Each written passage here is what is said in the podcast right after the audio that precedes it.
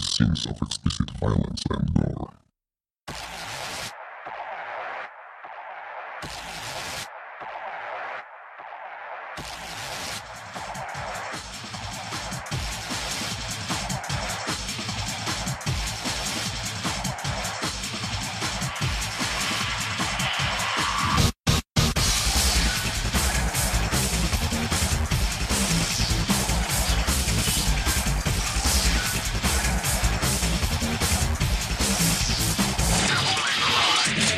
Serdecznie. Słuchacie właśnie specjalnego odcinka podcastu 2pady.pl, a w naszym wirtualnym studio są dzisiaj ze mną Hubert Surfer Wiśniewski. Dobry wieczór. I Łukasz Spierek-Spierewka. Witam wszystkich. A mówi Adam Noxa 15 Dębski. Nagrywamy we wtorek 28 sierpnia 2018, a ten odcinek będzie poświęcony w całości serii Devil May Cry. tak może wyjaśnię trochę, jak w ogóle powstał cały ten pomysł nagrania tego podcastu, bo ostatnio było sporo nowych informacji na temat e, Devil May Cry 5 i surfer w pewnym momencie y, przyjechał do mnie mówiąc, że zaczyna maraton, czy zaczął już maraton Devil May Cry. E, to było jakoś na początku chyba tych wakacji i tak wyszło, że zaczęliśmy w sumie przechodzić wspólnie jedynkę, w którą nigdy nie miałem okazji zagrać, potem zaczęliśmy grać w dwójkę i tak dalej i tym podobne. W końcu w pewnym momencie machnęliśmy rękoma, stwierdziliśmy, okej, okay, Równie dobrze możemy poopowiadać e, o, o, tej serii na podcaście, podsumować trochę te informacje, które zebraliśmy. Może kogoś to zainteresuje. Być może ktoś na przykład zobaczył zwiastuny piątki i stwierdził, hej, to wygląda całkiem fajnie, ale o co właściwie chodzi, tak? Dlaczego to jest piąta część? Seria ma już dość długą historię, postaramy się trochę zajrzeć w przeszłość, zobaczyć jak to wszystko wyglądało. Mm, również może warto to powiedzieć na wstępie, w pewnym momencie przejdziemy do części spoilerowej. Zrobimy sobie taki spoilercast, wyraźnie oddzielimy tę część od reszty, również w opisie zamieścimy, od którego momentu podcastu ta część się zacznie. I tam już będziemy sobie lecieć po fabule poszczególnych części, dyskutować, wspominać, po prostu tak, żeby osoby, które już grały w poprzedniej części mogły sobie trochę przypomnieć to, albo po prostu tak dla e, fanu razem z nami powspominać poprzednie części serii. I właściwie chyba w, mając tę formalną część za sobą możemy już e, przejść dalej. Jak tam panowie, powiedzcie, jak właściwie zaczęła się wasza e, przygoda z Devil May Cry? Może Surfer? U mnie zaczęło się to od DMC3 na, no, na PlayStation 2, bo w sumie pierwsze trzy części były na PlayStation 2. Hmm, szczerze mówiąc, nie wiem, chyba u znajomej zobaczyłem kiedyś tę grę. Wydaje mi się, że ich chłopak e, chyba akurat się zagrywał w to i mm, tak pamiętam, że z początku jakoś mnie nie porwał ten klimat. E, o ile dobrze pamiętam, grałem chyba w tamtym czasie w inną grę e, Capcomu, I DMC nie zrobiło jakoś dla mnie, nie wiem, jakiegoś piorunującego wrażenia z początku. No ale jakoś tak wyszło, że po pewnym czasie dorwałem się do gry. No i e, co ciekawe, była to wersja amerykańska, o której troszeczkę opowiemy. Mm, była ona znana z tego, że miała no, dużo wyższy poziom trudności niż wersja europejska czy japońska. E, i bardzo mocno się odbiłem od gry. To znaczy, tam już na drugiej, na drugiej planszy był problem, a na trzeciej, gdzie jest pierwszy taki poważny boss, no to już był dramat i to było spędzenie iluś godzin mm, na grindowaniu um, waluty i, i po prostu ulepszaniu swoich skilli w grze e, tylko po to, żeby przejść tego bossa. Ale już jak później się udało, no to Powiedzmy, że reszta gry poszła w miarę, e, w miarę spokojnie, chociaż oczywiście miała też swoje cięższe momenty. E, następnie, jeżeli chodzi o DMC 4, grałem na Xboxie 360 i chyba to była w ogóle jedna z pierwszych gier, w jakie grałem na Xboxie 360 i tutaj ten klimat i gameplay mi jeszcze bardziej podpasował w tamtym czasie.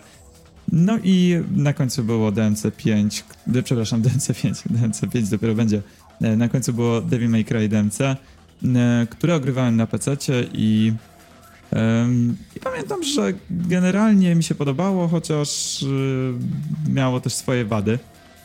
No i tak jakoś wyszło, że przy okazji tego całego hypu związanego z piątką, która będzie miała premierę na początku przyszłego roku, no stwierdziłem, że mm, w sumie czemu by nie przypomnieć sobie, szczególnie, że e, Devil May Cry DMC miało edycję specjalną, która poprawiła troszeczkę tam e, takich dziwnych decyzji designerskich, więc sobie to najpierw ograłem, e, później trójkę i czwórkę, no i właśnie pojechałem do ciebie i ograliśmy jedynkę i dwójkę.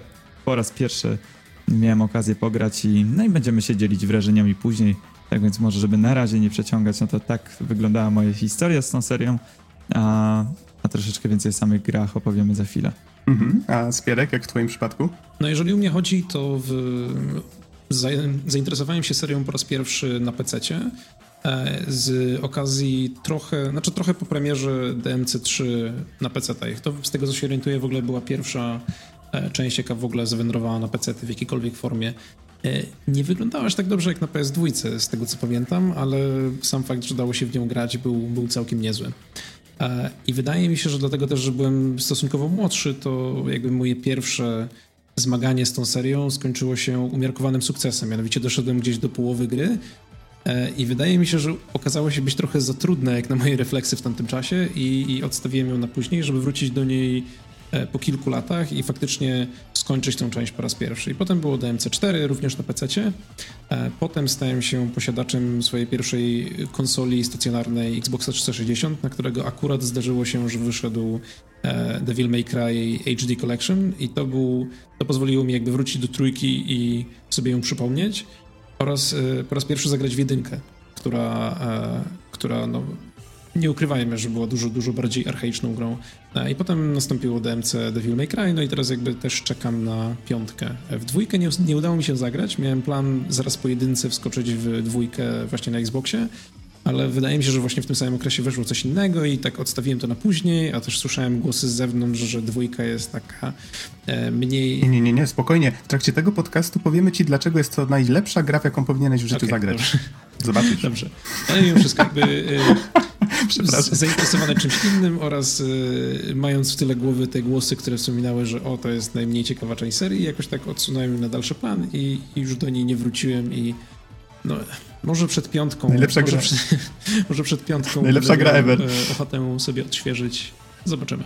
Mhm. To w sumie ciekawie wyszło, bo widzę, że każdy z nas zaczynał od trójki. E, ja podobnie jak Spierek, czyli trójka, wersja PC-towa, też jak byłem dużo, dużo młodszy i to było też moje właśnie pierwsze spotkanie z serią.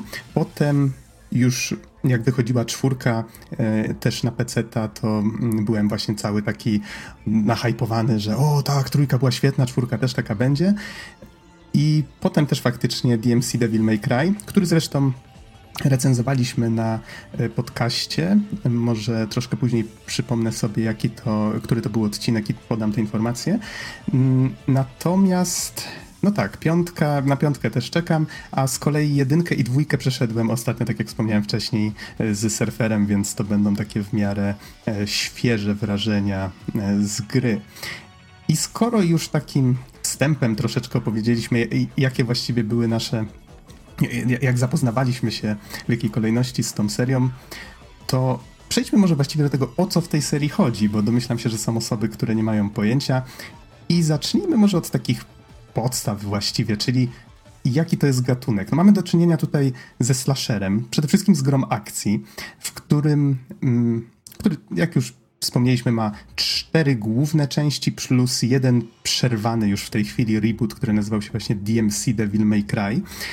Mm, bohaterem serii jest Dante, czy Dante, nie jestem właśnie pewien jak, jak to się powinno wymawiać. Jest on pogromcą demonów, synem Spardy, takiego słynnego pogromcy demonów mm, y, z przeszłości, o którym się mówi, przewija się ta postać e, w tej serii co jakiś czas, właśnie jako taka legenda. No i jakby takim głównym motorem napędowym są szalone sceny akcji, właściwie przegięte cutscenki, to wszystko jest takie over the top, trochę cringe'u też e, jest w tych różnych, w, w, poczuciu humoru, czy w tym, jak to się wszystko odbywa, ale myślę, że to ma mieć trochę takiego klimatu, e, może takiego filmu akcji klasy B, no nie jestem pewien, jak to celniej określić. Znaczy, zgodzę się z tobą, że właśnie ten, ten over the top klimat, który towarzyszy całej serii jest jego zdecydowanym wyznacznikiem i że właśnie to, że, że wszystkie te cutscenki są takie absolutnie przeładowane akcją, że główny bohater skacze na motorze, ale w połowie lotu rzuca w kogoś tym motorem i odbija kulę swoim mieczem i potem ląduje idealnie w tym miejscu, w którym jeszcze rzuca jakiś cheesy one-liner, e, to jest zdecydowanie wyznacznik tej serii. Mhm. No i jeżeli można by jeszcze dodać w sumie, co znaczy nazwa Devil May Cry, ale nie jestem pewien, czy powinniśmy się aż tak mocno w to, e, w, aż tak mocno wchodzić w szczegóły. Może powiem tylko, że sklep, w cudzysłowie, który prowadzi Dante, jest, e, ma właśnie taki szyld nad drzwiami Devil May Cry. No, sklep to jest oczywiście tylko przykrywka, zajmuje się przede wszystkim polowaniem na demony. Jeżeli ktoś zna hasło i dzwoni do niego, to to wtedy rusza na akcję. Um, powiedz mi, Surfer, może chciałbyś powiedzieć trochę na temat tego, jak wygląda akcja, w sensie mm, w jaki sposób mechanika działa w tej serii, tak ogólnikowo na przestrzeni lat? Hmm. To znaczy, mamy bohatera, który e, biega, strzela i macha mieczem. Powiedzmy, przynajmniej w większości części tak to działa. E, mamy, jest to gra akcji 3D, w której właśnie biegamy, ciachamy te potwory, skaczemy po różnych platformach, zbieramy różnego rodzaju znajdźki, czy to jakieś bronie, czy e, orby, dzięki którym możemy e, ulepszać sobie na przykład e, różne umiejętności, czy odblokowywać umiejętności, czy ulepszać bronie i tak dalej, i tak dalej. Pierwsze części miały tak zwany fixed camera angles, czyli mm, ta kamera była statyczna, co z jednej strony nadawało fajnego klimatu, a z drugiej strony dużo ludzi też narzeka na to, że no brak tej wolności e, i swobody, jeżeli chodzi o e, obracanie kamerą, no troszeczkę tutaj um, utrudniał sam, sam gameplay. No i tutaj oczywiście każdy może sobie wyrobić zdanie, czy jemu się to podoba, czy nie. Ja, ja całkiem akurat lubię tego typu kamerę. Więc gra jest podzielona, każda, każda część jest podzielona na ileś misji E, w których właśnie mamy różnego rodzaju zadania. Czy to, czy to dojście do samego końca, czy dojście gdzieś na czas, czy dojście do jakiejś lokacji po drodze, wykonując jakieś proste zagadki logiczne i pokonując bossa i tak dalej, i tak dalej.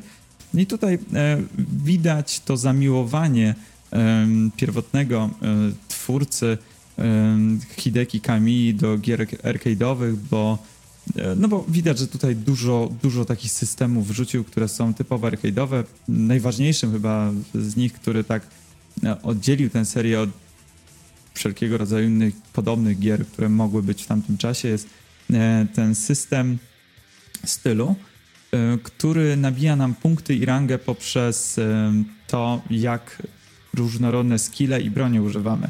Więc gra zachęca nas do tego, żeby podbijać jak największy styl, za to dostajemy więcej orbów, które możemy mm, wymienić na mm, właśnie zakupy. E, I, I to jest dosyć ciekawa mechanika. To mi się akurat bardzo podoba i, i fajnie, że to mm, cały czas serii było. Pojawiło się też w którą później stworzył też zresztą Hideki Kamiya, bo zachęca do dosyć mocno do mm, do takiego eksperymentowania i nie siedzenia w takiej strefie komfortu na zasadzie, że o, podoba nam się tylko ciachanie mieczem i będziemy robić to przez kolejne 15 godzin, tylko no, musimy dosyć mocno kombinować. I oczywiście, no, jeżeli chodzi o te bronie, o te umiejętności i tak dalej, to wszystko no, zmienia, zmienia się z części na część. Czy to ze względu na to, że sterujemy różnymi bohaterami. W dwójce na przykład mieliśmy dwójkę bohaterów, w czwórce też. W trójce mieliśmy troszeczkę inny system broni i E, takich e, różnych stylów głównego bohatera, dzięki czemu mogliśmy e, pod kółkiem mieć różnego rodzaju różne specjalne umiejętności. No i na tym mniej więcej ta gra polega, na takiej szalonej akcji, bardzo wysokim poziomie trudności przeważnie, no i właśnie takiemu przesuwaniu swojej granicy i tego, i tego jak, jak dużo umiemy, jak dużo potrafimy z siebie wycisnąć i jak dużo ta gra z nas wyciska. No i chyba tyle. Mhm. Ta kamera to może to, to, o czym mówiłeś na początku, tak? Tutaj, jak tylko powiedziałeś, że ona jest e, zafiksowana w jednym miejscu, to Nie jestem pewien, czy masz rację, czy już w pierwszej części przypadkiem nie zdarzały się takie momenty, gdzie ona wędrowała, bo z tego co czytałem, Capcom próbował odejść od tego, co robili e, w serii Resident Evil, czyli że były statyczne, prerenderowane tła i właśnie e, specjalnie jak tworzyli Devil May Cry, to, to wszystko właśnie odbywało się w trójwymiarowym otoczeniu. Mm, masz rację, ta kamera czasami za nami podąża, Pamiętasz zresztą te schody takie... Um, spiralne. Z bardzo, z, tak, spiralne, tak. z bardzo dziwnie zachowującą się kamerą, która właśnie tak um, podąża za bohaterem. Ale um, może jeżeli nawet kamera nie jest usytuowana w jednym miejscu, to często ona jest przylepiona do bohatera, nie mamy nad nią kontroli. Dopiero chyba w czwórce pojawiły się niektóre momenty, w których możemy tą kamerą sobie tam e, troszeczkę manewrować, ale tutaj też ręki sobie nie dam uciąć. Na pewno w DMC Devil May Cry od tego odeszli i, e, i w grze już mamy pełną swobodę, jeżeli o to chodzi, jak chcemy sobie tą kamerą obracać. I wszystko wygląda na to, że w piątce również tak będzie. Tak, to chyba zresztą zostało potwierdzone. Mhm. Um, Okej. Okay. To może jeszcze, nim przejdziemy do omawiania tak poszczególnych części serii, to jeszcze wspomnijmy o tym, że Devil May Cry jako takie e, miało dość spory wpływ na gry akcji, czyli właściwie można by powiedzieć, że jedynka zaczęła w pewnym sensie taki, ta, ta, taki podgatunek gier akcji, właśnie taki dynamiczny slasher. I co prawda tutaj też nie dam sobie ręki uciąć, że wcześniej nie było podobnych gier, no ale tak samo jak na przykład Resident Evil, chociaż był, jakby nie patrzeć, z Rzynką z in the Dark, no to Resident Evil jako taki przyczynił się do um, właśnie rozpowszechnienia gatunku survival horror. Tak samo tutaj Devil May Cry, również marka Capcomu, przyczyniła się właśnie do, do zmiany tego, jak wyglądały później niektóre gry akcji. I to dziedzictwo jakby Devil May Cry, tutaj wydaje mi się, że warto wspomnieć na przykład o Bajonecie, która zresztą powstała e, przy udziale e, tej samej ekipy chyba i tego samego twórcy, czyli właśnie e, Hideki Kamii, i tylko, że już akurat nie w Capcomie, tylko jako Platinum Games, no tutaj jakby całe zawirowania były z tym, że dużo osób odeszło z Capcomu, czy zostało wyrzuconych, już nie, nie pamiętam jakie były szczegóły. Um, I tutaj, czy, czy może chcemy coś powiedzieć więcej na temat właśnie bajonety, czy może nie chcemy się aż tak wdawać w szczegóły? Czy można powiedzieć o jakichś tam subtelnych różnicach, chyba że chcesz spierek, e, znaczy subtelnych, one nie są aż tak subtelne wbrew pozorom tych różnic jest dużo, dosyć dużo. Nie wiem, Spierek, czy chcesz coś powiedzieć, czy mam kontynuować? E, znaczy, jeżeli chcesz, to możesz, możesz trochę opowiedzieć. E, to znaczy, ja zawsze miałem takie wrażenie, że Bayonetta jest bardziej nastawiona na taki spektakl, tworzenie takiego jeszcze bardziej zwariowanego pokazu. Przez to, że Bayonetta ma też dużo większy zasięg tych broni, dużo większy. Mm, no nie wiem, e, dużo większą możliwość e, kontrolowania wrogów na polu bitwy. E, gra się w to troszeczkę inaczej. Mam wrażenie, że w Devil May Cry jest trochę trudniej przemaszować przez grę i nie mam zamiaru tutaj podpadać jakoś mocno fanom Bajonety, bo czy ktoś tam woli Bajonetę czy DMC, to już jest jego sprawa, ale właśnie miałem zawsze bardziej wrażenie, że mm, w DMC przez to, że tych kombosów jest troszeczkę mniej i i bardziej trzeba się skupiać na tym, co się dzieje w konkretnym momencie. Nie można też e, spamować uników. E, Dante czy, czy to jakikolwiek inny bohater ma też e, dużo mniejszy zasięg. Dużo ważniejsze jest tutaj to, w jakim miejscu znajduje się nasza postać. No mam wrażenie, że to są takie największe różnice i co się komu bardziej podoba, to już jest jakaś tam indywidualna kwestia. Mam wrażenie, że Bajonecie, jeżeli ktoś nie zna, a może zna Nier Automata, no to mam wrażenie, że jest bliżej właśnie do Niera, gdzie mamy możliwość tych e, uników praktycznie spamowania, a DMC troszeczkę bliżej do tych nowszych części Ninja Gaiden, gdzie e, no, bardziej trzeba polegać na takim odpowiednim mm, pozycjonowaniu tej postaci, na odpowiednim unikaniu w ostatniej chwili i tak dalej, i taką właśnie bardziej walką, może nie tyle jeden na jeden, co, e, co w takim bardziej ciasnym, powiedzmy, otoczeniu Zresztą, e, no właśnie, tutaj, tutaj to dziedzictwo serii bardzo dobrze widać e, w nowych produkcjach Platinum Games, bo oni właśnie tworząc Bayonetę bardzo mocno się na DMC wzorowali e, i czerpali z tych swoich doświadczeń, czy to z pierwszej części, czy już z tego, co później zostało stworzone pod innym szefostwem. No a w sumie niektóre gry Platinum Games są troszeczkę taką kalką bajonety, no chociażby Nier Automata jest dosyć podobne gameplayowo tak naprawdę, więc i nie jest to jedyny przypadek. No i, i tyle.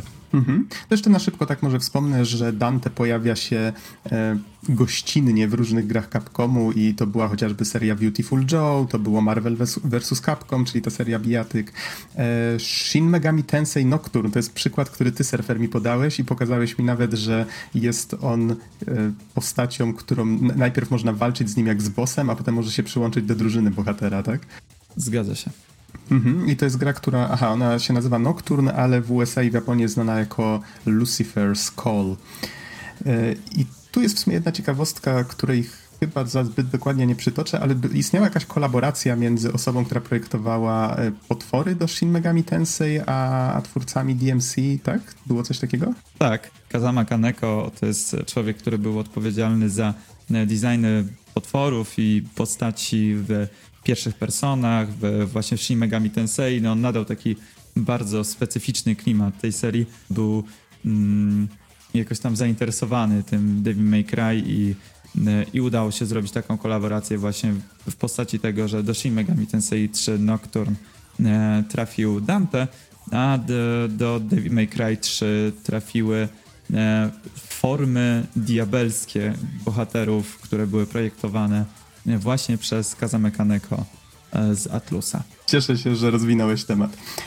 Okej, wydaje mi się, że powinniśmy przejść teraz do poszczególnych części serii i nie będziemy się skupiać na fabule, powiemy tylko ogólnie, jaki jest zalążek fabuły w każdej z tych części. Może dodamy trochę informacji o każdej z nich, a w tej części spoilerskiej, którą oczywiście odgrodzimy, e, tam będziemy się bardziej rozkręcać na temat tego, co się dzieje w poszczególnych tych częściach.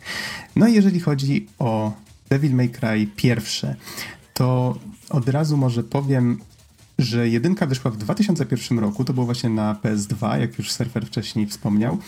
I taka ciekawostka, początkowo ta gra miała być nowym Resident Evil, konkretnie czwórką. E, I w momencie, jak mm, Shinji Mikami e, Hide, poprosił Hidekiego Kamię, żeby zaczął pracę nad nowym Resident Evil, to zaczęło właśnie powstawać to, co dzisiaj znamy jako DMC, tylko że w pewnym momencie doszli po prostu do wniosku, że kurczę, ta gra się chyba za mocno różni od tego, co było wcześniej. No, mieliśmy mieć właśnie...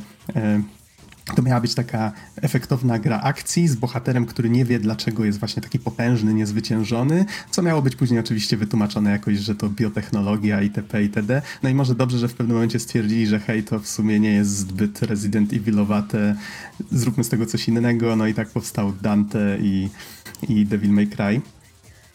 I zespół, który tworzył tę grę nazywał się Team Little Devils. To też jest e, taka mała ciekawostka, bo z tego co pamiętam, nazwa tego teamu pojawia się też przy Bajonecie, więc dlatego właśnie domyślam się, że to e, ci sami ludzie mogli tworzyć. Ym, Tak, natomiast jeżeli czy chodzi na o... pewno nie Team Little Angels, to było w przypadku Bayonetta? Mm, o, możesz mieć rację. Tak, faktycznie. Chyba tak było. Niemniej, dobra, to w takim razie nie cytujcie mnie, jeżeli o to chodzi, ale było to, jak widać, wyraźne nawiązanie do, do produkcji pierwszego DMC.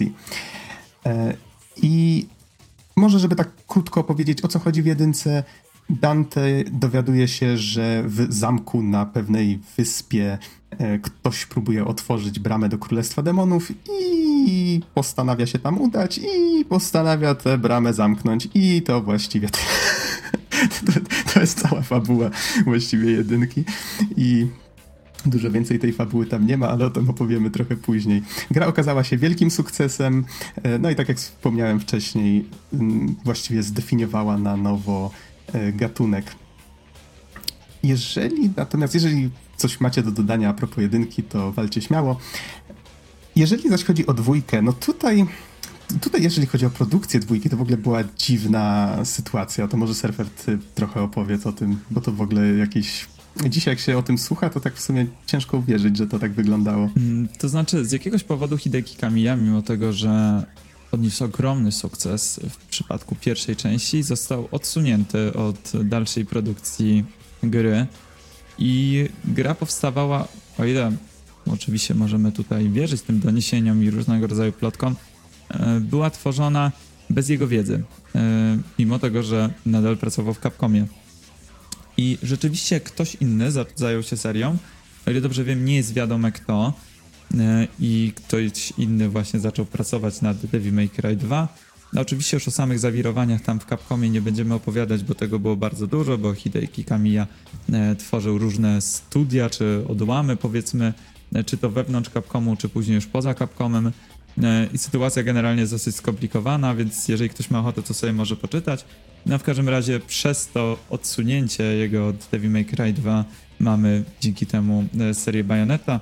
A jeżeli chodzi o DMC2, DMC2 trafiło w bardzo taki no um, kiepsko, w kiepski sposób produkcji. Okazało się, że no ta produkcja i tworzenie gry idzie naprawdę źle i, i w sumie wychodzi jakiś z tego kiepski produkt. E, I poproszono o pomoc e, gościa o imieniu Hideaki Itsuno. I on pracował przez ostatnie kilka miesięcy, o ile dobrze wiem, 4 miesiące przed końcem dołączył do projektu i starał się jakoś sklecić ten produkt do końca. Zresztą nawet był on określany jako reżyser w napisach końcowych, mimo tego, że w sumie za wiele do powiedzenia i do pracy to tam nie miał. No i jak się można domyślić, gra okazała się mega klapą. Jest, no, troszeczkę opowiemy więcej przede wszystkim o gameplayu E, tej gry, ale bardzo, bardzo mocno odsunięto się od e, takich mm, typowych dla pierwszej mm, części schematów, czyli na przykład tej e, bardzo takiej fajnej, soczystej walki mieczem, czy, czy takiej dosyć ciekawie poprowadzonej fabule. Mimo tego, że nie było jej tam za wiele, to ten powiedzmy zalążek był, był przynajmniej w jakiś sposób ciekawy. DNC2 tego zabrakło. E, level design był koszmarny i tak dalej, i tak dalej, więc e, DMC2 było e, bardzo kiepską grą i szczerze mówiąc po ograniu jej zastanawiam się, kto był na tyle szalony w Capcomie, by po pierwsze odsunąć Kamiję po tak udanej jedynce, a po drugie, żeby e, zatwierdzić powstanie trójki, bo szczerze mówiąc, no po ograniu dwójki, tak gdybym, gdybym ją ograł E, w czasach, w których wyszła i gdybym zapłacił za to e, pełną kwotę, to stwierdziłbym, że niech się ta seria chrzani i nie mam ochoty mieć z nią nic wspólnego i niech spłonie. Na szczęście ktoś był na tyle szalony, że zaklepał powstawanie trójki, trójka powstała i okazała się bardzo dobrą grą. Mhm, ale o tym jeszcze za chwilkę, bo mm, jeszcze powiem tylko, nieważne jak słabą grą dwójka by nie była, Zalążek fabuły jest w niej taki, że właściwie już te demoniczne siły zwyciężyły. Akcja dzieje się właśnie w takim świecie, można by chyba nawet powiedzieć postapokaliptycznym i Dante musi tam pokonać e, kogoś, kto próbuje przyzwać jeszcze potężniejsze ciemne siły i jest szefem jakiejś światowej korporacji. Wiem, jak to brzmi. E, I Teraz chyba możemy przejść właśnie do trójki. Tak jak wspomniałeś, Hideaki Itsuno, chociaż został e, właśnie wyznaczony do tego, żeby naprawić dwójkę na 4 miesiące przed końcem produkcji, co no, każdy, kto tworzy gry, to wie, co to znaczy 4 miesiące do końca produkcji, to właściwie nic się już z reguły nie da zmienić w takich przypadkach. Kto wie, ile on tam uratował tak naprawdę. No i to musiał być dla niego też w sumie cios, bo tak jak Surfer już wspomniał, on potem został wymieniany jako reżyser tej części, choć tak naprawdę miał tylko ją naprawić pod koniec, więc to jest trochę, domyślam się, że to był dla niego taki trochę cios w reputację. I udało mu się to w przypadku Devil May Cry 3 naprawić, bo on już był odpowiedzialny za tę część w całości.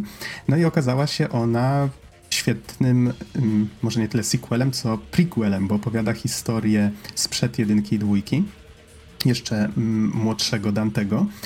I dużą rolę odgrywa e, w tej historii e, brat Dantego Virgil i motywem przewodnim są tu relacje rodzinne. Myślę, że więcej już chyba nie, nie powinniśmy mówić na temat fabuły w trójce, warto ją poznać samemu, zwłaszcza, że jest całkiem niezła. I postanowiono w wielu elementach wrócić do właśnie designu z jedynki. No, dwójka w wielu, właściwie wiele rzeczy w dwójce, z tego co czytałem na wiki, poprawiano na podstawie ankiet, które przeprowadzono wśród graczy. Ponoć słuchano się tych rad, które tam zostały wymienione dość dokładnie i być może właśnie dlatego dwójka wyszła tak jak wyszła. W trójce trzymano się po prostu tego, co działało i sprawiało, że jedynka była fajna, no i trójka jakby wróciła dzięki temu do, e, do tych dobrych wzorców.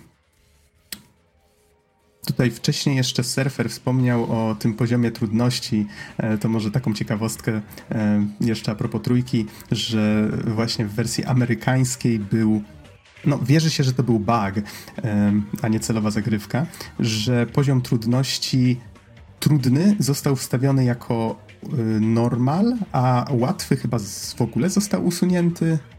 Z tego co czytałem, mogło to mieć coś wspólnego z tym, że dwójka była uważana przez wiele osób za zbyt łatwą i dlatego starano się, e, żeby trójkę jak najbardziej e, odgrodzić od tego, co się ludziom nie podobało w dwójce.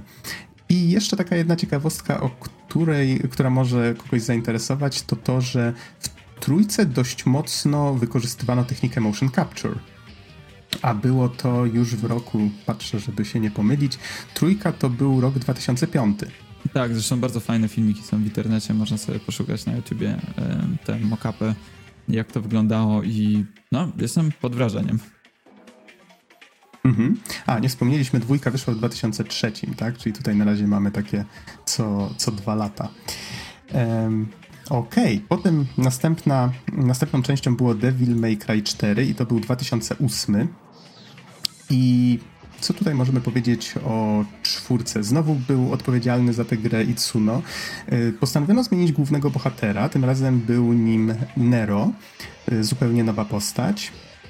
I tutaj, hmm, fabularnie, jakby tutaj można skrócić właściwie o co chodzi w czwórce. Surfer, pomożesz mi trochę? Mm, no, jest kult, który czci e, właśnie Spardę, jest to taki kult religijny e, i gra się zaczyna od tego, że no właśnie, zastanawiam się, czy, czy to mówić już teraz, bo ten początek jest dosyć szokujący, więc może nie, może powiemy o tym troszeczkę później, ale początek jest bardzo szokujący i przedstawia nam pewnego innego bohatera w znacznie innym świetle niż się tego mogliśmy spodziewać. No i e, Nero wyrusza pogoń za kimś, e, żeby go postawić przed e, sądem, czy tam, czy tam się z nim w jakiś sposób mm, no nie wiem, wyrównać porachunki. I właśnie gramy Nero, który jest troszeczkę taką hmm, mniej ciekawą wersją Dantego, jest zdecydowanie mniej e, cwaniacki i tak dalej, chociaż też oczywiście ma dosyć cięty język. Mniej ha e, charyzmatyczny. Mniej charyzmatyczny to na mhm. pewno. Mm, aczkolwiek nadal, nadal dosyć, dosyć fajnie się to ogląda i fajnie się gra, bo jest e, też nowa mechanika przyciągania. E, Nero ma demoniczną rękę, dzięki której może się przyciągać do przeciwników, może przyciągać się do różnych e, elementów na planszy i tak dalej, i tak dalej, więc tutaj e, ta mechanika została troszeczkę zmieniona. No i o tym, co tutaj się tak naprawdę dzieje i o co tym wszystkim chodzi, opowiemy troszeczkę później. Mhm. To może najważniejsza rzecz właściwie, o której nie wspomnieliśmy wcześniej, to dlaczego ludzie tak polubili właściwie tę postać? Dlaczego jedynka odniosła taki sukces, już pomijając w ogóle mechanikę? To to, że Dante okazał się takim właśnie, tak jak wspomniałeś, takim cwaniakiem, takim charyzmatycznym e, gościem, który właściwie patrzy tym demonom w oczy i a, okej, okay, dobra, no chodź maleńki, tak, do Cerbera mówi, no chodź, wyprowadzę cię na spacer. Taki luzak kompletny i jak najwyraźniej w tamtych czasach było nam potrzeba takiego bohatera, stał się jedną z ikon growych momentalnie. I to chyba on właściwie ciągnie tę serię przed siebie. I jest to o tyle ważne, żeby wspomnieć teraz, ponieważ przechodzimy do części, która nazywa się DMC Devil May Cry. Wspominałem już wcześniej, że istniał reboot, który ostatecznie przerwano i to właśnie to była próba zrobienia tego rebootu. Mm, chciano pokierować serię w nowym kierunku, historia miała być trochę poważniejsza, bohaterowie tak samo. Zresztą zaczęło się od tego, że Capcom miał taki okres, kiedy e, chciał kłaść silny nacisk na tworzenie gier na zachodni rynek. Zaczął mocno współpracować z deweloperami za, z zachodu.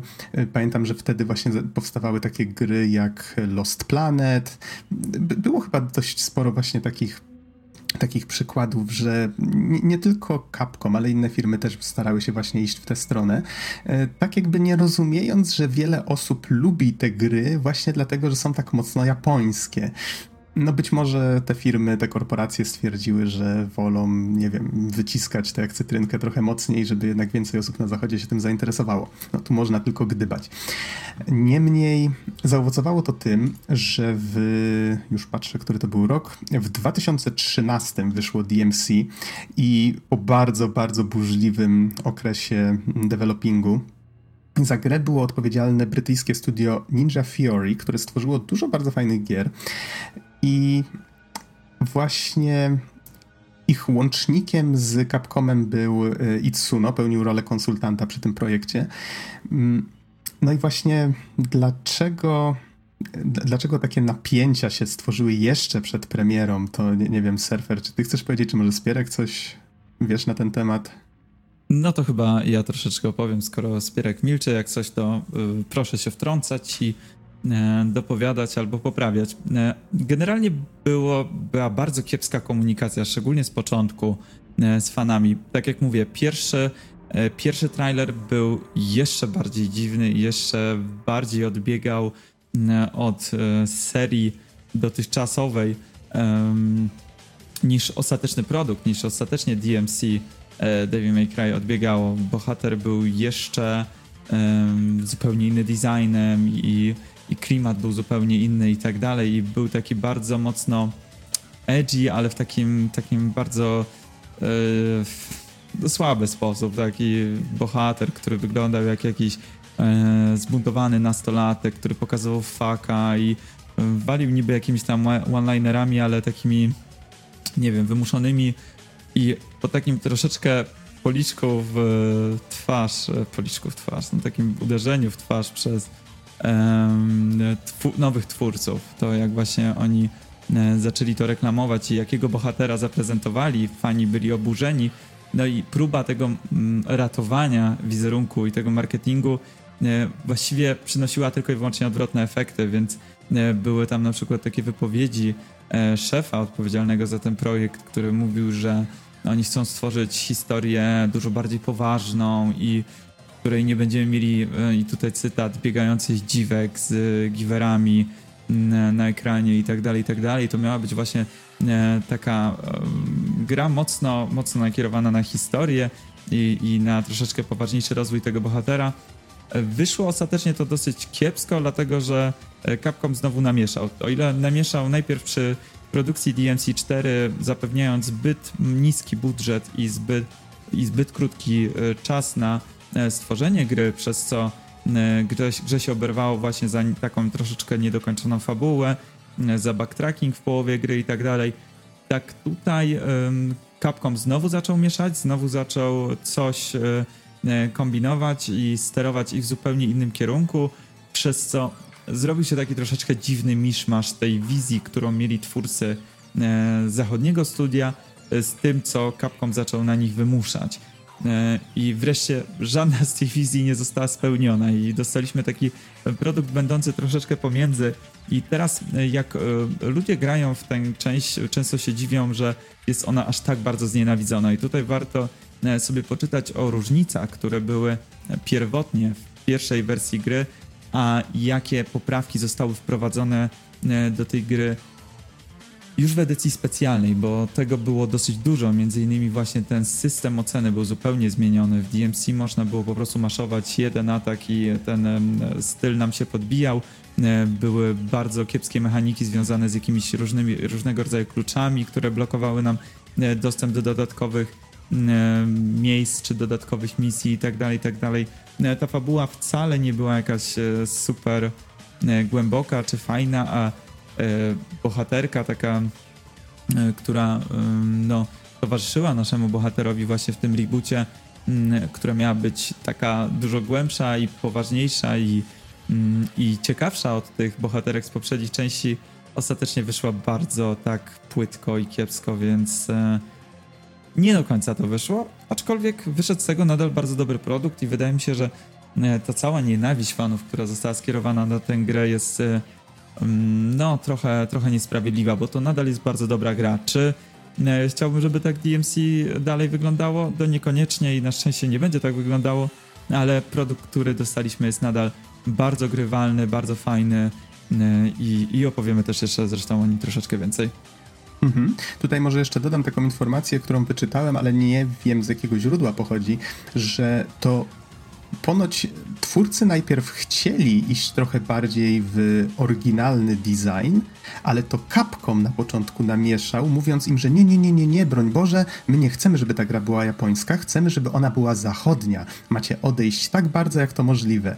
Potem, jak zobaczyli, jaka była reakcja właśnie fanów na to, że Dante pali papierosy, że jest taki edgy, emo chłopiec, no to wtedy nagle zaczęli robić damage control, y, mocniej współpracowali właśnie z Itsuno i ekipą z Japonii, żeby to trochę złagodzić i wtedy zaczęli iść znowu w drugą stronę. No i potem reszta jest historią, tak jak mówisz. No ale nie, nie jestem pewien właśnie z jakiego źródła jest ta informacja. Do takich też informacji dotarłem, takich ciekawostek. E, Niemniej, żeby tak trochę załagodzić, powiem, że na przykład mnie i Donowi, e, już sprawdziłem, to była recenzja w odcinku 101, więc bardzo dawno temu, rok 2013, marzec. Recenzowaliśmy DMC, gra nam się bardzo podobała mm, z wielu powodów, również z których, mm, przez które właśnie fani uważają, że jest beznadziejna, więc to jest prawdopodobnie po prostu kwestia gustu. No, warto potraktować tę grę jako coś osobnego, taką inną, nową wizję, tak? Wykorzystującą podobne pomysły i nawiązującą w ciekawy sposób do, do tych e, już istniejących części. Tak jak mówię, no tutaj e, jeszcze tylko dodam swoje dwa grosze może do tego, bo e, tak to jest, jeżeli chce się zmienić jakoś bardzo mocno serię e, i właśnie to jeszcze z tak zagorzałymi i zatwardziałymi fanami jak seria Devil May Cry, ale mówię, może jeszcze by to jakoś przeszło, gdyby, gdyby troszeczkę ten marketing, gdyby ta komunikacja z graczami była troszeczkę inna, a niestety oglądając te archiwalne wypowiedzi, no, e, czy czytając archiwalne e, wypowiedzi mm, w jakichś tam rozmowach z, mm, z prasą, no, wyglądało to naprawdę bardzo kiepsko i, e, i te wywiady naprawdę przedstawiały tę grę w jeszcze gorszym świetle. No i nie dziwię się, że fani poczuli się trochę oszukani i dlatego właśnie tak, a nie inaczej zareagowali, że po prostu z miejsca przekreślili tę grę. Ale jeżeli ktoś właśnie podchodzi na mm, albo z otwartym umysłem, albo e, tak na e, świeżo do serii podchodzi, to wydaje mi się, że jak najbardziej będzie się przy tym dobrze bawił. Mhm. Przepraszam, że nakręcam temat, ale e, tak te, też a, a propos tego producenta, e, czy właściwie współzałożyciela Ninja Theory, nie pamiętam niestety imienia i nazwiska, on z tego, co właśnie czytałem, te, te, tych fragmentów, tych wywiadów, przypominając sobie całą tę dramę, to mam wrażenie, że on dobrze wiedział, co chcą osiągnąć, po prostu źle to dobierał w słowa i niestety fani potem nakręcali to dość mocno. Zresztą bardzo podobny problem mieli twórcy, e, tutaj przeskakując z serii na serię, chociażby e, Castlevania Lords of Shadow. To jest inna seria japońska, która w pewnym momencie została oddana zewnętrznemu studiu, konkretnie z Hiszpanii, e, Mercury Steam. I ci twórcy mieli te same problemy. Też właśnie taka kamienna ściana w postaci tego przez tam 20 lat bodajże, czy ile to wtedy było, e, utrwalonego fandomu, który e, walczył rękoma i nogami, żebyście tutaj nic nie zmieniali. I z, tego co pamiętam i szef jednego zespołu, i szef drugiego zespołu w pewnym momencie przenieśli te, ten stres związany właśnie z tą dramą na fora fanowskie i to jest bardzo niebezpieczna rzecz, jaką można PR-owo zrobić. Te posty ponoć potem zaczęły być kasowane, ale i przeprosiny były stosowane. Ale to właśnie pokazuje, jak bardzo ci ludzie starają się kreatywnie najpierw wprowadzać jakieś fajne zmiany, no przynajmniej fajne tak w mniemaniu zespołu i, i jakby potem odbija się na nich bardzo negatywnie cały ten hejt, który leci z sieci. A więc tutaj można jakby długo o tym mówić, to jest ciekawy temat nie tylko w odniesieniu do DMC czy innych serii. Wracając, wracając do Devil May Cry. Po tym jak, może tutaj przypomnę, 2001 rok to było pierwszy Devil May Cry, potem 2003 dwójeczka, 2005 trójka, czwórka wyszła w 2008, potem DMC to był 2013, więc czekaliśmy dużo dłużej. W tak zwanym międzyczasie wychodziły y, wersje specjalne, czy to trójki, czy właśnie Devil May Cry HD Collection w 2012. Samo DMC doczekało się w 2015 Definitive Edition. Wtedy też w tym roku wyszło e, specjalna edycja Devil May Cry 4. I właśnie teraz, teraz e, w 2019, a konkretniej chyba w marcu, już patrzę. Tak, 8 marca 2019, o czym dowiedzieliśmy się dopiero tydzień temu na Gamescomie, ma się pojawić Devil May Cry 5. Pomówmy trochę więcej o Devil May Cry 5, właśnie, czyli to na co czekamy i dlaczego postanowiliśmy nagrać ten odcinek. Um, powiedz mi może, Surfer, dlaczego czekasz na piątkę? Bo się stęskniłem. Tyle lat. Ile to było? lat od Devil May Cry 4, czyli po 10 latach dostaniemy kontynuację historii Dantego, Nero i całej reszty e, wesołej rodzinki zawadiaków. E, poza tym, no ja osobiście uwielbiam tę serię. Właśnie tego typu mm, slashery, które e, wymagają takiego bardzo dużego masterowania e, swoich umiejętności, e, ten właśnie wysoki poziom trudności, e, do tego świetna muzyka, oprawa graficzna i tak dalej. No, to wszystko skleja dla mnie tę serię w taką piękną, szaleńczą całość, więc świetnie się bawiłem właśnie przechodząc wszystkie te gry. Czy to po raz kolejny, czy po raz pierwszy. No i widząc to, w jakim kierunku poszło DMC5, a poszło w dosyć takim, no, dziwnym, nie spodziewałem się, no, nie mogę się nie hypować, no po prostu e, czekam. Muzyka jest dosyć typowa. E, kto oglądał e, trailer czy jakieś gameplaye, no to no to mógł usłyszeć właśnie e, w jakim kierunku troszeczkę muzycznym innym poszli. E, Wizualnie wygląda to przecudownie. E, Gra będzie hulać na tym samym silniku e, co Resident Evil 7, czy e, obecnie powstający też remake Residenta e, dwójki. No, wygląda to po prostu nieziemsko, e, więc e, no cóż, dlaczego czekam? Jestem fanem serii i tyle, po prostu. Jestem ciekaw, co, co dalej się wydarzy w fabule, mimo tego, że ta fabuła w wielu częściach była głupia albo praktycznie jej nie było, to mimo to e, jakoś tam zależy mi na tych postaciach, no ale przede wszystkim liczę na to, że będzie taki bardzo solidny gameplay, że mm, znowu Itsuno, który e, wraz ze swoją ekipą e, wrócił w pełni e, do, do serii, no, będzie mógł pokazać, co, co nowy sprzęt i co ich doświadczenia nowe mm, no, potrafią wyciągnąć z tej serii, więc no, czekam. Do tego zawsze konkurencja jest dobra. Mieliśmy bardzo fajnego, fajną grywalnię e, grę Nier Automata, do tego powstaje Bayonetta 3, e, która jest troszeczkę inna gameplayowo, tak jak już opowiadałem, troszeczkę robiłem to e, drobne porównanie na początku e, naszego nagrania i no, mi osobiście Devil May Cry troszeczkę bardziej zawsze pasował i liczę na to, że oczywiście obie te gry będą bardzo dobre i jakoś tam podniosą poprzeczkę, no ale właśnie DMC5 to jest coś, co, co no, mnie tak mega hypuje na początek przyszłego roku. Mhm, tak, to będzie, przypomnę, 8 marca 2019. I dobrze, czy panowie coś jeszcze chcecie może powiedzieć przed rozpoczęciem części spoilerowej? Jak dla mnie już powinniśmy wskakiwać w tą, tą poprawną część. Okej, Spierek widzę pali się do spoilerowania. Dobrze, więc tutaj w tym miejscu bardzo poważne ostrzeżenie. Od tego momentu będziemy spoilerować jak leci, rozmawiać o fabule wszystkich Devil May Cry, em, o których wspomnieliśmy do tej pory. I no okej, I tyle właściwie. Czujcie się ostrzeżeni.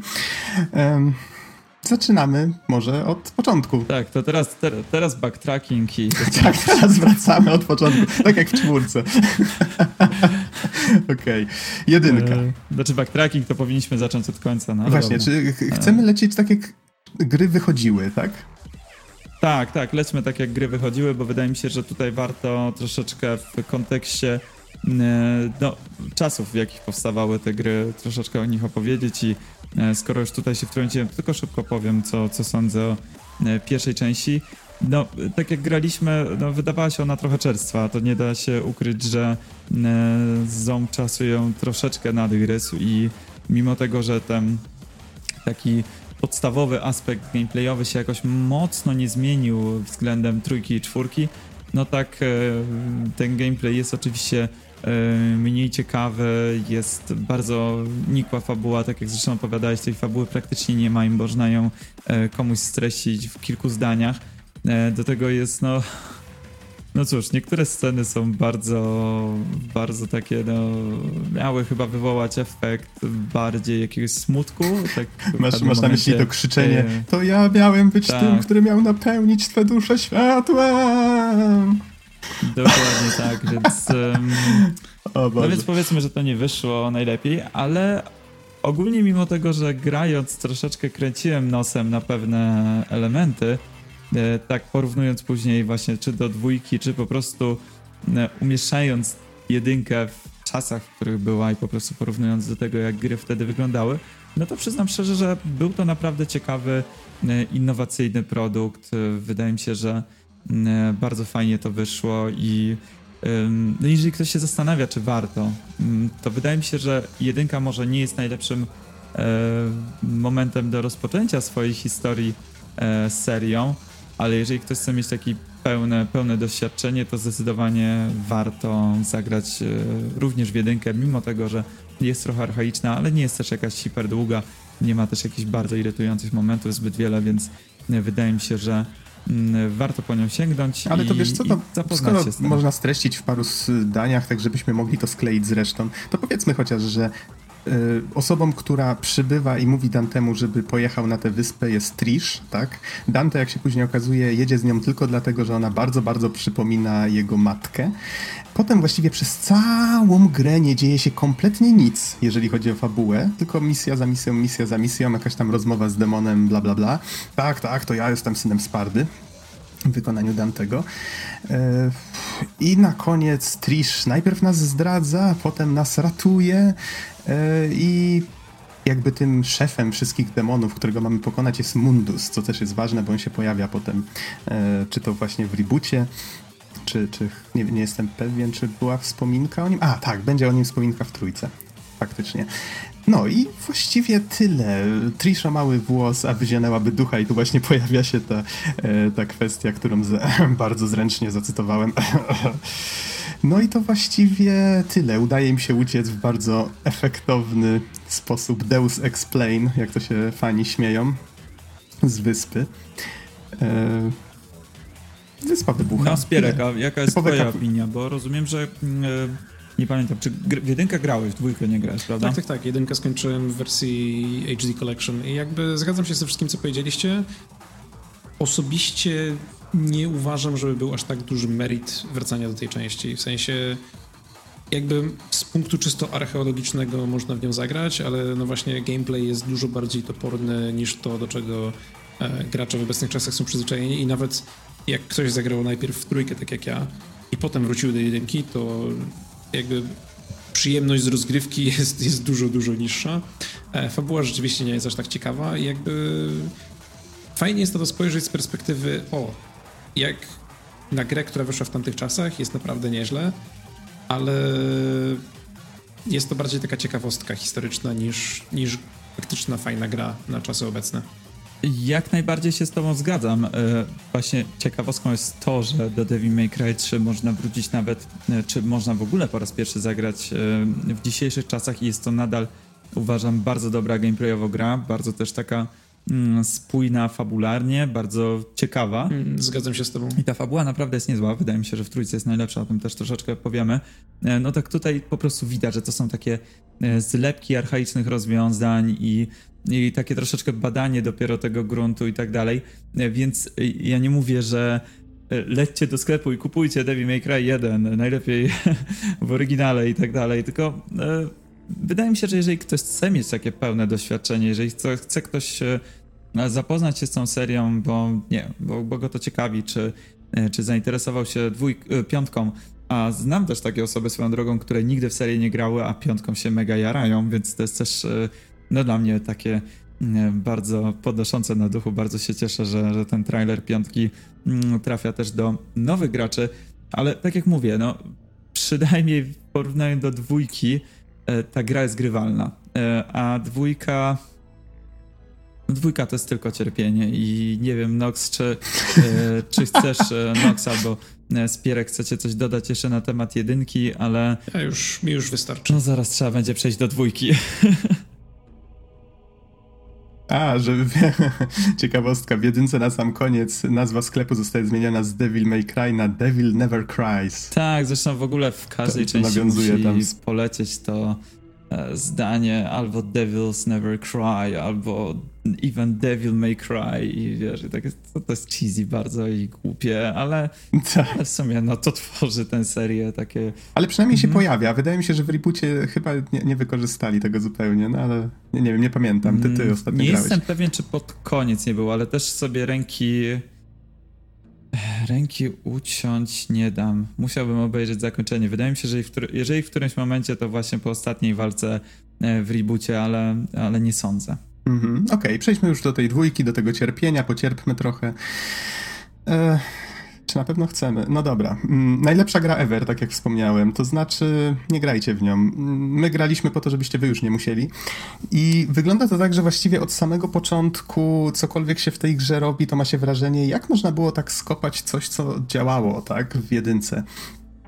Fabuła już Wspominałem, jak wygląda zalążek. W świecie już właściwie jest masa demonów, Dante tylko chodzi, strzela do wszystkiego, co się rusza. Nie wiedzieć, czemu z Dantego zrobili właściwie taki słup soli. Osobę, która już w ogóle nie ma poczucia humoru, tylko tak chodzi i pomożesz nam, Dante, proszę, pomóż nam, Dante. Dobrze, rzucę monetą. Puch, dobrze, udało się. Tak, idę wam pomóc. E, Jedyny w sumie, jedyna fajna rzecz fabularna, która mi się podobała, to to, co też jest dość mocno cheesy, że na samym końcu okazało się oczywiście, że ta jego moneta, którą tak cały czas podrzuca, ma e, dwie strony identyczne, no ale to tam, to jest najbardziej ambitna rzecz, jaka się pojawia w tej fabule. Cała reszta to już w pierwszej misji, którą właściwie gramy nie wiedząc zupełnie po co. Leziemy przez siebie, strzelamy do potworów w jakiejś takiej... E, takiej wiosce, która wygląda trochę jakby się urwała właśnie z okolic z Morza Śródziem, mm, Śródziemnomorskiego. Śródziemnego. Śródziemnego, przepraszam. Pff, język mi się plącze. I Wiesz, tak jesteś zaaferowany tutaj tym wspaniałym doświadczeniem, które tak, naprawdę nie wiem, naprawdę nie wiem jak, jak to opisać w sposób, który byłby w miarę zjadliwy. Ogólnie To- tak, kończymy pierwszą misję, przychodzi do nas staruszka, mówi nam, hej, słuchaj, jest taki jeden koleś, który jest szefem globalnej korporacji i chce przyzwać masę demonów, jest bardzo zły, idź go zabij. Rzucamy monetą. Dobrze, idziemy go zabić. I to A jest właściwie czekaj, cała fabuła. powiedzieć, że ona powiedziała mu, że jeżeli on to zrobi, to opowie mu historię o jego ojcu. A, spoiler, Tak, i to, to generalnie jest taki jego główny motor napędowy. motor napędowy, jeżeli chodzi o to, czemu on to robi, tak mi się wydaje. Chociaż to też nigdy nie jest wytłumaczone, czy on po prostu chce pomóc tym ludziom, czy twierdzi, że e, dobrym będzie zabicie tego demona, czy rzeczywiście jest ciekawy, ale tak naprawdę e, ten motyw nigdy nie jest e, w żaden sposób już dalej pociągnięty, wytłumaczone, nic nie jest odnośnie tego, co, co ta babcia mogła mieć do przekazania na temat jego ojca. E, Właściwie o jego ojcu też się nie dowiadujemy nic. I Tak, właśnie właściwie chciałem powiedzieć, że spoiler alert, ta historia Mhm. nigdy nie zostaje nam zdradzona w żaden sposób. Tak, historia nigdy nie zostaje zd- zdradzona. Dante właściwie został takim e, takim po prostu jednowymiarowym, nudnym e, bohaterem, który właściwie nie wiadomo po co jest. Do tego tragiczny, tragiczny design poziomu, właśnie takie bardzo rozległe, nudne, nieciekawe lokacje, e, po których się kręcimy nie wiadomo po co. I w ogóle e, tam na początku chyba trzeba było, e, przynajmniej w tej... bo gra ma, e, g- tak żeby, żeby jeszcze czerpać więcej przyjemności, gra ma dwa scenariusze, gdzie gramy e, drugą postacią, czyli Lucią, e, postacią kobiecą, która jest cała, ona chyba przygarnięta przez tą babcię, o ile do, dobrze pamiętam. I na przykład w jej misji na samym początku musimy chyba rozwalić ileś tam kominów, żeby zdobyć e, odpowiednią ilość orbów, żeby coś tam się odblokowało. I nigdzie w ogóle to nie jest wytłumaczone i, i w ogóle nie ma żadnego sensu. Tak, to, to było tak, że porównasz to... zaczęliśmy Mhm. tylko ten scenariusz i ja tak patrzę, no okej, jest tu jakaś okolica, są jakieś dachy, ale drzwi są, znaczy brama jest magicznie zamknięta, to jak ja mam wyjść? Tak krążę, krążę, krążę.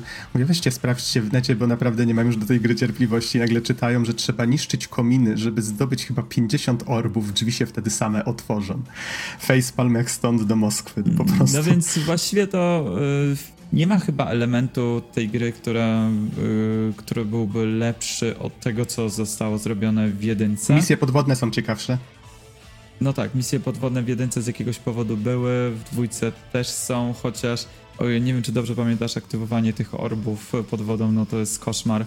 E, Więc e, właśnie system namierzania jest tragiczny. Tam w ogóle jakoś strasznie, e, strasznie źle to działało, że chyba trzeba było jakiś przycisk przytrzymywać, żeby nie nakierowywało automatycznie e, bohatera w jakieś miejsca dziwne i to nigdy nie działało jak należy. Wyrzuciłem to z pamięci, więc serio nie pamiętam. Mhm.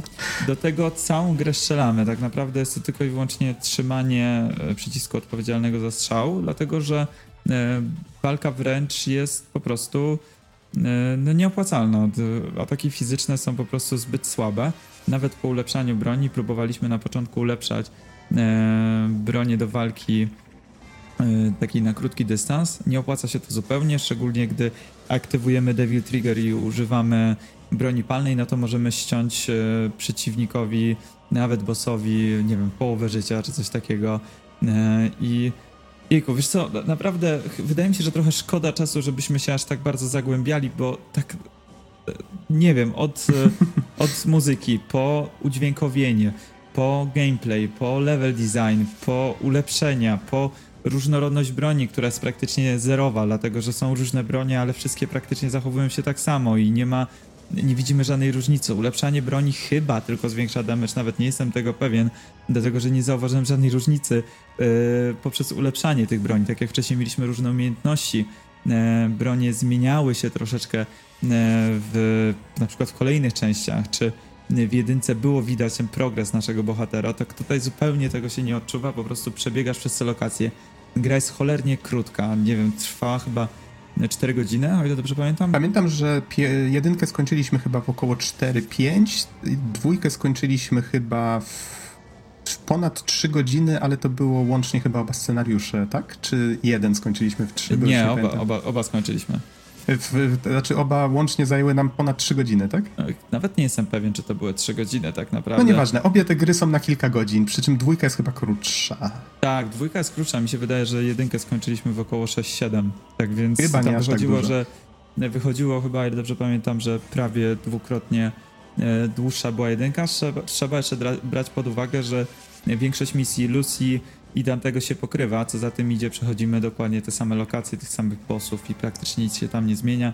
I mamy może, nie wiem, ze trzy cutscenki, które e, są inne, ale które zupełnie nic nie, znoszą, nie wnoszą do fabuły, więc y, nie, po prostu, tak jak mówię, jeszcze jedynkę, tak jak y, rozmawialiśmy tutaj, że zgodnie stwierdziliśmy, że tak z powodów jakichś tam archeologicznych, czy po prostu dla takiego, y, takiej chęci poznania całości, można jeszcze po tę grę sięgnąć, bo mimo wszystko trochę ona radości też potrafi dać momentami. Dwójka? Tak, tutaj to był. Przepra- mówię o jedynce cały czas teraz. Ojej, już się, już się przestraszyłem. Tak, e, dwójka jest po prostu koszmarkiem i e, nie warto. Nie warto jest to po prostu. Wszystko, Co? co złego słyszeliście, jest prawdą. To może trochę powiem tylko o... A, nie wspomnieliśmy o wielkim bohaterze dwójki, czyli Infested Chopper e, i Infested Tanks. Em, tak, e, ale o czym innym chciałem. To znaczy, jeżeli już chcemy domknąć dwójkę, to chociaż już dla porządku. Trochę tej fabuły też się pojawia pod koniec. Wszystko się sprowadza do tego, że ten główny zły szukał jakichś artefaktów, żeby właśnie otworzyć ten portal do e, demonicznego królestwa. I e, tutaj koniec różni się od tego, jaką postacią gramy, niemniej w obu dzieje się to samo, czyli ten portal ostatecznie zostaje otwarty, Dante walczy z jakimś bossem i na końcu się okazuje, że zostaje zamknięty po tej drugiej stronie, a więc postanawia, okej, to pojadę motorem do piekła. I tak właściwie się kończy dwójka, a dla Lucy kończy się tak, że... em, ona pokonuje bossa, który jakimś tam cudem wydostał się właśnie z tego, z tego portalu i i właściwie chyba to, co jest najważniejsze, i nie jestem pewien, czy na, nam ta scena się wyświetliła, więc możliwe, że ona się wyświetla, jak się spełni jakiś warunek. To znaczy, widać, że Lucia opiekuje się sklepem Dan- Dantego po jego zniknięciu i zastanawia się, gdzie Dante się podział. W tym momencie słyszy, że ktoś przyjeżdża motorem przed drzwi. I to jest właściwie wszystko, tak? Taka mała zajawka, że hej, a może Dante jednak wrócił, może udało mu się wydostać, bo e, jak to staruszka stwierdza, Spardzie też się udało kiedyś dostać do piekła i z powrotem. To jest właściwie wszystko, co się dowiadujemy o Spardzie, tak? W tej grze. I to chyba tyle. Mm. Dla, y, to jest o tyle ważne, że niektórzy doszukują się już teraz połączenia piątki z dwójką, więc jeszcze wrócimy do tego tematu. Tak, zostało potwierdzone, że piątka dzieje się po dwójce. Tak, zostało to potwierdzone? Tak. O, to jest bardzo ciekawa informacja. Dobra, to jest o tyle ciekawa informacja, że Capcom y, starał się raczej y, jak najmniej mówić o dwójce i jak najbardziej zapomnieć o, o tym, że ta gra w ogóle powstała, więc to, że potwierdzają teraz taką informację jest dosyć no, interesujące. Okej, okay, to przechodząc teraz do trójki. E, trójka wydaje mi się, że jest taką częścią, no tutaj już wspominaliśmy wcześniej, do której nadal można śmiało wrócić i chyba wiele osób nadal uważają za taką swoją ulubioną część serii. Jak jest w waszym przypadku? W moim konkretnym przypadku jest to skomplikowane. Znaczy, lubię trójkę, nie jestem pewien, czy to jest moja ulubiona część serii. Mhm. A surfer u ciebie? Po ograniu wszystkich części. Ostatnio stwierdzam, że chyba trójka jednak jest najlepsza i ogólnie najbardziej mi się podobała, dlatego że e, z jednej strony nadal ma gameplay, który no, bardzo dobrze się trzyma, nawet jak na dzisiejsze standardy, a z drugiej strony ma taką pełną i spójną fabułę, która okej, okay, można też powiedzieć, że momentami jest główkowata czy jakaś tam przerysowana, ale jest naprawdę interesująca i, i fajnie pokazuje właśnie te skomplikowane relacje, e, czy to Vergila z Dante, czyli e, ten, ta ich, e, no nie wiem, to, że są takimi właśnie rywalami, mimo tego, że są braćmi, mm, a z drugiej strony e, jeszcze pobocznej bohaterki, czyli Lady i jej ojca. E, I właśnie te dwa wątki cały czas się przenikają. Te cała praktycznie fabuła dzieje się wokół tych czterech postaci.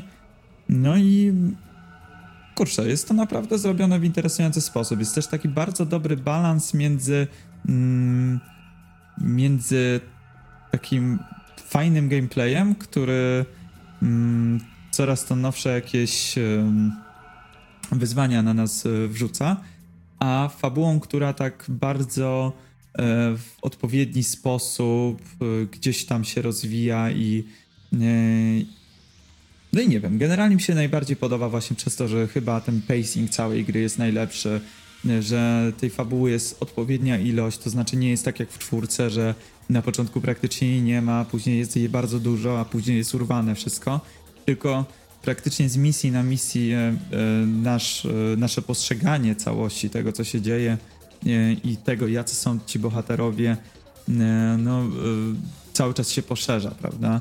Nasze pojmowanie całej tej sytuacji, więc wydaje mi się, że jest taką najbardziej spójną e, i najlepiej przemyślaną i zrealizowaną grą. Mimo tego, że czwórkę czy DMC też lubię bardzo gameplayowo, tak tutaj trójka chyba, chyba mimo wszystko jest dla mnie najlepsza. Mhm, tak, ta spójność tutaj jest ważna. To znaczy, to, ten flow całej historii jest fajnie poprowadzony i to, co wydaje mi się nadal się całkiem fajnie trzyma, to to, że cutscenki te robione z motion capture e, nadal są bardzo fajne. To znaczy, one są takie totalnie over the top, ale to jest właśnie coś, co sprawia, że czekamy na każdą kolejną, bo po prostu dobrze się na to patrzy, jak na taki balet ze spluwami, tak? John Woo style.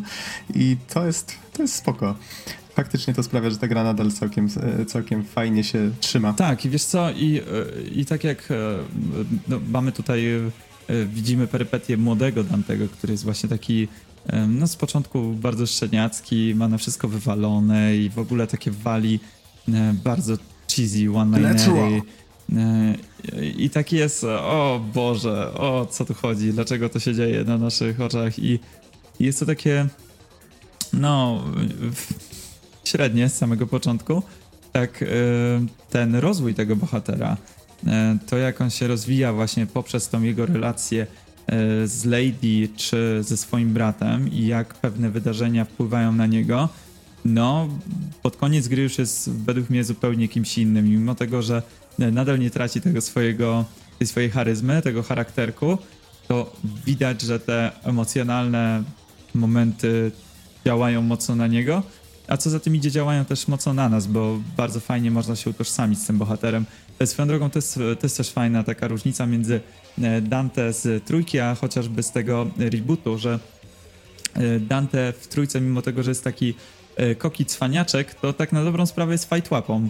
A to coś mu nie wyjdzie, a to gdzieś e, zostanie czymś przebite, a to mu sklep się rozwala. Tak, tak, faktycznie, że Boże, mi też nie wyszło i dlatego się właśnie z nim utożsamiam, ale coś mi stanęło w gardę. E, więc e, właśnie to jest fajne, że on pokazuje taki e, spektakl, e, jest takim mega cwaniaczkiem i o, tutaj próbuje wyrwać lady i tak dalej, po czym nagle dostaje kulkę w łeb, nie? Jest takie... to jest taki ultimate kosz. Tak, i, i, to, no i to jest takie, kurczę, no fajne to jest. I tak właśnie z początku widzimy tę postać jako takiego troszeczkę e, cwaniaczka, który oczywiście te możliwości ma nieziemskie, ale e, trochę też jest taką fajtłapą. Ale później właśnie zaczynamy poznawać też tą jego emocjonalną stronę, te jego relacje z innymi bohaterami zaczynają się budować i no i przyznam szczerze, że ta fabuła nadal się trzyma fajnie i, i są bardzo ciekawe zwroty i, i bardzo fajnie są te relacje zbudowane i wydaje mi się, że e, jest też taki najlepszy zestaw e, bohaterów, bo e, i Virgil, który jest kompletnym przeciwieństwem, jest też bardzo interesujący. Jest kompletnie chłodny, bezwzględny, nie, nie wykonuje praktycznie żadnych e, zbędnych ruchów, czy nie wypowiada zbędnych kwestii i tak dalej, więc jest zupełnym przeciwieństwem e, Dantego, który po prostu wszędzie robi show, wszędzie, e, nie wiem, dorywa się do demonicznej gitary, to zaczyna grać motyw e, e, z DMC, czy e, gdzieś tam właśnie sobie cwaniakuje w rozmowach z demonami, które są 15 razy większe od niego i tak dalej, i tak dalej. No, Virgil jest kompletnym przeciwieństwem, ale też jest bardzo, bardzo fajną postacią i e, bardzo fajnie też ten kontrast e, jest między nimi To, zarysowany. to jest fajne to, co wspomniałeś o tym, że nie robi zbędnych ruchów, bo to chyba od ciebie słyszałem, tak? Że y, fani spekulują, że ten ruch, który on wykonuje czasami, że zaczesuje włosy do tyłu, jak mu spadną na czoło, to że wykonuje ten ruch dlatego, żeby odróżnić siebie od Dantego, bo wtedy zaczyna go trochę bardziej przypominać. Tak, tam jest wiele momentów, znaczy wiele. Przede wszystkim w momentach, kiedy walczą, czy to właśnie na początku, na, samej, na samym szczycie wieży, gdzie ten deszcz pada i mu niszczy tą fryzurę, czy mm, później chyba po drugiej walce, ile dobrze pamiętam też, e, ta fryzura mu się zmienia i za każdym razem wykonuje ten gest, gest zmiany fryzury, albo spogląda też na naszyjnik, który ma po matce. E, to jest też taki zbędny, e, zbędny jego ruch, który on wykonuje co jakiś czas w scenkach, czyli widać, że mimo tego, że te medaliony, które oni mają, są też źródłem mocy, no to też pokazują, że jakiś tam aspekt emocjonalny e, Mhm. względem jego rodziców jest, więc, y, więc y, oczywiście tutaj można mówić, że o, to może być takie, no nie wiem, nadinterpretacja tego, ale wydaje mi się, że wiele z tych rzeczy y, było zamierzonych i, i naprawdę fajnie właśnie pokazują te postacie i, i to, jak się to wszystko rozwija. To może połączmy trochę informacji tutaj, które pojawiają się w trójce i w poprzednich częściach. Czyli Virgil i Dante są ym, synami Spardy i Ewy, która była człowiekiem. Sparta z kolei jest y, demonem, który tak y, sprzeciwił się innym demonom i, i stanął po stronie ludzi, chciał ich bronić. I potem, jak Sparda zniknął, to podzielił, znaczy stworzył dwa amulety. Jeden dał jednemu synowi, drugi drugiemu, i oni mieli tych amuletów pilnować. I w trójce wszystko kręci się wokół tego, że taka magiczna wieża, która nazywa się Te- Temnimigru, czy jakoś tak, już nie pamiętam dokładnie, y, jest bramą do tego demonicznego królestwa i potrzebne są właśnie te dwa amulety, żeby tę bramę otworzyć. I Virgil ma interes, znaczy interes, on pragnie tej mocy Spardy, tego demonicznego królestwa, żeby... E, po co on właściwie pragnął tej mocy, surfer? Bo tak jak on mówił, że bez mocy nie potrafisz nikogo obronić, nawet siebie, po czym Virgil go właśnie przebił, e, chyba nawet jego własną bronią, więc wydaje mi się, że po prostu dla samego faktu posiadania mocy i, i władzy, nie wiem czy Virgil, już nie pamiętam, czy Virgil miał jakiś plan tutaj podboju ludzkości trójce, czy, e, czy miał jakieś, nie wiem, bardzo złe mm, zamiary.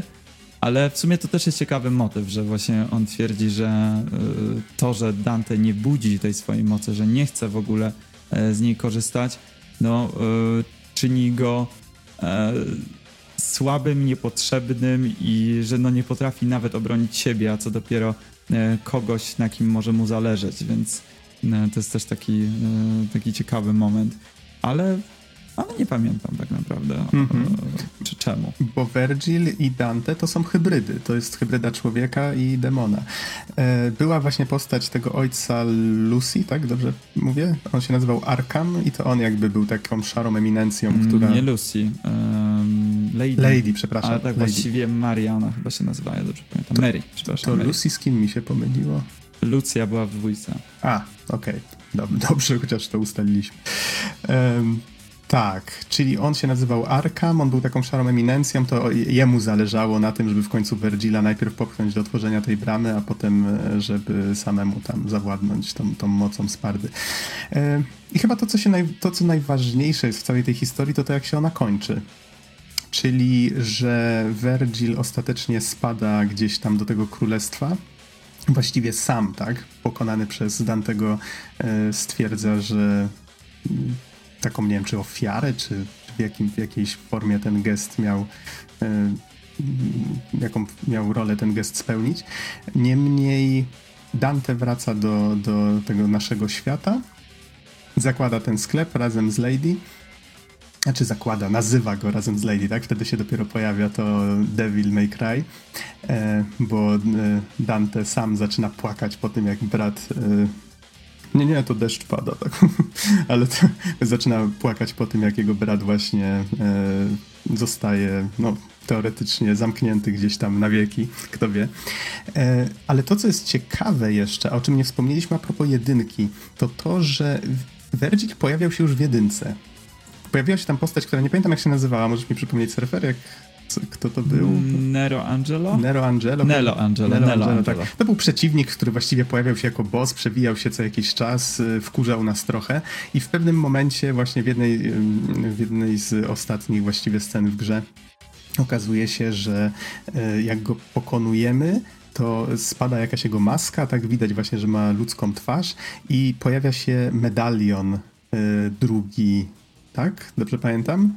Dzięki czemu y, Dante się orientuje, że właściwie zabił własnego brata, który był kontrolowany przez Mundusa.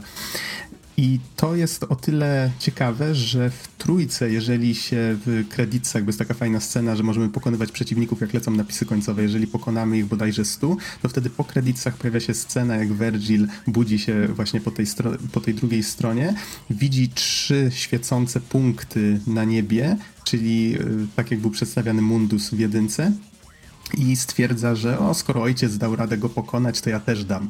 Czyli w ten sposób twórcy połączyli jakby trójkę z jedynką, że Virgil trafił do Królestwa Demonów, tam Mundus w jakiś sposób przejął nad nim kontrolę i tak przechodzimy do jedynki, gdzie Dante nie wiedząc o tym, że to jego brat, zabija go ostatecznie. E, więc tak, tak to się mniej więcej w takiej kolejności odbyło. I czy coś jeszcze możemy wspomnieć o fabule trójki? Chyba nie. Wystarczy, Hmm. Chyba chyba, wystarczy. Najważniejsze rzeczy chyba Jeżeli chodzi o gameplay, to tak jak mówiliśmy, ta gra się nadal fajnie trzyma. Są, jest bardzo dużo różnych broni, e, czy to właśnie na bliski, e, taką walkę e, bliższą, czy, czy właśnie na dystansową. Każda broń jakoś się tam różni, więc jest to no, zdecydowany pozytywny odskok w porównaniu do dwójki. E, Mamy też różne style, które możemy wykorzystywać. e, Dzięki temu dostajemy e, nowe techniki, które są przypisane do kółka na padzie. No i, no i sobie możemy właśnie tam tak kombinować. Tak? Do każdej misji możemy zabrać dwie bronie i przy, przybrać, że tak powiem, jeden styl i sobie z tym wszystkim kombinować, więc jest naprawdę w porządku. Uważam, że to jest chyba najlepsza gra do rozpoczęcia serii. Mhm. Więc najwyższa pora przejść do czwórki, bo jeszcze mamy w sumie DMC do omówienia i trochę spekulacji na temat piątki, więc jeszcze trochę. E, powiedz mi, jakbyś tak streścił najbardziej, jak potrafisz fabułę czwórki, czyli historię Nero. Em, Nero jest Ona też ma parę fajnych powiązań e, z Virgilem. E, Nero jest członkiem zakonu, który mm, czci e, Spardę i początek gry jest taki, że wpada Dante i zabija ich takiego, można powiedzieć, papieża, taką e, głowę kościoła. E, no i Nero jest wysłany przez zakon po to, by dorwać Dantego i czy tam go zabić, czy, czy tam postawić przed sądem, już nie pamiętam. No i na tym się skupiamy przez pierwszą połowę gry, że gdzieś tam przy okazji zabijania demonów trafiamy co jakiś czas na Dantego, walczymy z nim, czy są różnego rodzaju scenki, e, przy czym Nero po czasie dowiaduje się, że coś jest nie tak z samym zakonem. Po pierwsze, e, sama głowa tego zakonu tak naprawdę no, nie ginie, okazuje się, że, że przeżył, prawdopodobnie jest jakimś demonem. E, Do tego, tak na dobrą sprawę, wszystkie e, ważniejsze postacie w zakonie są demonami e, i z nimi walczymy. Między innymi z bratem e, miłości naszego bohatera. E, Właśnie mm, on się nazywał chyba Nero Angelo? Chyba tak. Nie, nie, nie, to był Credo? Zaraz zobaczę. Credo, Credo. chyba. Ona się, ona się nazywa Kyrie. Tak. Tak, e, Captain of Hundreds of Holy Knights. Wydaje mi się, że to był on. A, Angelo Credo. Tak się nazywała jego forma diabe, ta diabelna, tak? Bo to demoniczna, Demoniczna, tak? No bo to mhm. chodziło o to, że ten, tam był taki naukowiec e, w tym zakonie i on łączył ludzi z demonami czy coś takiego. Gdzieś tak na początku gry pamiętam, że był taki fragment, że z jego laboratorium Nero wydostaje chyba Yamato się ten y, nazywał ten miecz Virgila? Tak, to jest broń Virgila. Tak, tam była złamana i Nero w jakiś sposób spaja to ostrze y, w całość. Poza tym fani spekulują, że ten Devil Trigger, ta diabelna forma Nero, ona też właśnie ma w jakiś tam sposób odzwierciedlać to, jak wyglądała ona u Vergila. I tu automatycznie zmierzamy trochę do spekulacji, że Nero być może jest y, powiązany jakoś z Vergilem, może na przykład jest jego synem, tak? To znaczy, no tak jak mówię, w jakiejś tam noweli to było potwierdzone, że jest to syn. W samej serii chyba nie, e, ale biorąc pod uwagę, co się dzieje w trailerze piątki, no wydaje mi się, że e, no, można bardzo. E, no tutaj te, te, te domysły raczej, raczej będą miały pokrycie w, rze- w rzeczywistości. Mhm. A, no i nie wspomnieliśmy o najważniejszym. Nero się tym wyróżnia od reszty, że ma taką demoniczną rękę. To już o tym mówiłem na samym tutaj, początku. E, tak? Aha, o, W no każdym razie przez pierwszą połowę gry podążamy za Dante, przy okazji właśnie po, poznając te różne e, no takie nieprzyjemne sekrety całego zakonu. E, po ostatecznej konfrontacji z Dante e, Nero zostaje e, przy okazji zamknięty e, już nie pamiętam czy to w ciele tego ogromnego posągu, który został przebudzony przez głowę kościoła Chyba i tak. że- pałeczkę po nim przejmuje e, Dante i Dante mm, i w drugą połowę gry praktycznie całą gramy Dante i tutaj te żarty z backtrackingu, bo e, pra, praktycznie całą grę przechodzimy od końca do początku, łącznie z tym, że pokonujemy e, część tych samych bossów, przechodzimy przez te same lokacje i tak dalej. Oczywiście gra Dante jest zupełnie inna, no ale ale no tak średnio trochę to wyszło. Tak, że połowę gry idziemy w jedną stronę, drugą połowę w drugą, więc jest to takie bardzo, bardzo tanie. E, no Co, tak, nie, no te, co nie zmienia faktu, że gra się w to bardzo przyjemnie. Ostatnie dwie misje przechodzimy Nero, mamy takie zwieńczenie fabuły. Y, I oczywiście ta fabuła tak troszeczkę mm, zostanie, zostaje urwana. Ym, Właściwie nie wynika z niej jakoś super dużo, poza tym, że e, Nero ratuje ukochaną. No, Dante jest tam oczywiście e, gdzieś tam zadowolony i szczęśliwy i tak dalej. I taką tą rolę mentora miał troszeczkę w tej części. Tam jeszcze po drodze było Mhm. coś takiego, że ten wielki gigant właśnie, którego zakon zbudował, e, ten Savior chyba, jak on się miał nazywać, miał być uaktywniony krwią Spardy, więc jak został zespolony z Nero, to jakby tu jest kolejny argument za tym, że on jest jakoś tam spokrewniony ze Spardą, tak? Czy właśnie z Vergilem. Ale tak, to, to właściwie tyle, że ratujemy Kirię tak w dużym, dużym skrócie i, yy, i chyba jeszcze to, co warto wspomnieć, to to, że Dante powierza Yamato w ręce Nero. Mówi, że może sobie zatrzymać ten miecz, że niech się nim opiekuje, tak? Czyli takie wink-wink, może Dante coś się domyśla na tej zasadzie.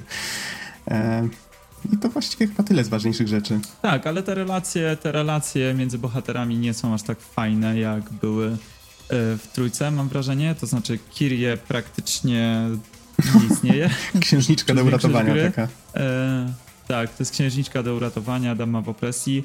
E, Nero e, przez połowę gry krzyczy właśnie jej imię i właściwie tyle z jego tam e, charakter developmentu mamy, a gdy zaczyna się już rozkręcać, to e, przejmujemy kontrolę nad Dante, który nadal jest świetny i fajny i tak dalej. I, i oczywiście e, cała ta fabuła, powiedzmy, i relacje między Dante i Nero, że tutaj Dante troszeczkę mimo wszystko jest bardziej poważny niż w trójce, że troszeczkę jest takim bardziej mentorem, że e, właśnie uspokaja Nero w pewnych momentach, czy właśnie ostatecznie e, powierza mu Yamato, że ufa mu, że jest to w dobrych rękach, e, no to to jest fajne, ale mam wrażenie, że było trochę tego za mało i e, jeszcze do tego dorzucając ten backtracking, no powoduje to wszystko, że e, to doświadczenie płynące z gry nie jest aż tak przyjemne, przy czym e, nadal jest to dla mnie ścisła czołówka serii i zdecydowanie warto zagrać. Mhm.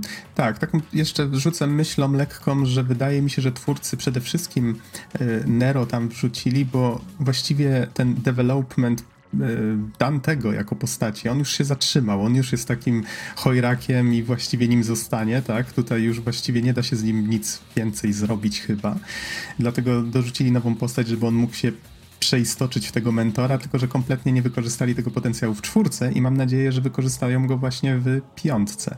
No zobaczymy. E, chyba możemy przechodzić dalej. Mamy jeszcze DMC Devil May Cry do omówienia, czyli właśnie tę część, która taka, tak dużo kontrowersji wzbudziła. E, powiedz mi, surfer, od czego chcielibyśmy zacząć właściwie? Może zapytajmy Spierka. Właśnie. Tak, ja też je, jeszcze tutaj żyję, cały czas was słucham.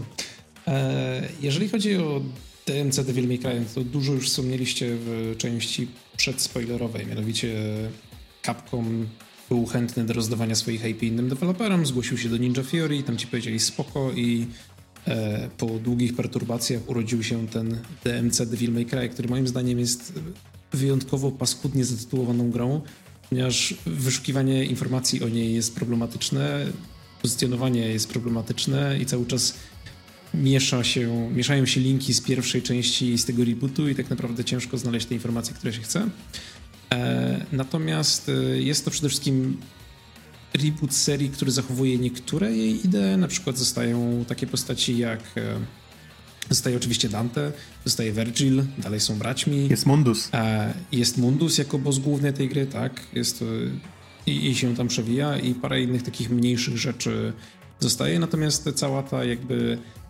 Znaczy oprawa dalej jest over the top, natomiast ta japońskość zostaje mocno wyparta i zastąpiona taką, takim bardziej zachodnim podejściem do, do prezentacji postaci. Dante nie ma już białych włosów, tylko ma czarne, o co fani się niesamowicie, niesamowicie wykłócali i cały czas mówili, że to nie jest nasz Dante, że my prosimy o innego Dante. Chociaż tu akurat E. bym się sprzeczał, bo to był celowy zabieg, jakby bohater, to, to był jeden z, ze sposobów pokazania, że bohater się zmienił, bo on na końcu gry dopiero widzimy, że te włosy białe faktycznie mu się pojawiają i to jest jakby, ale to może za chwilę do tego przejdziemy. Tak, tak, tak, dokładnie. I nawet y, odblokowujemy potem tryb, który pozwala od początku gry za drugim razem przejściu bohaterem z białymi włosami, jeżeli dobrze pamiętam, więc y, no...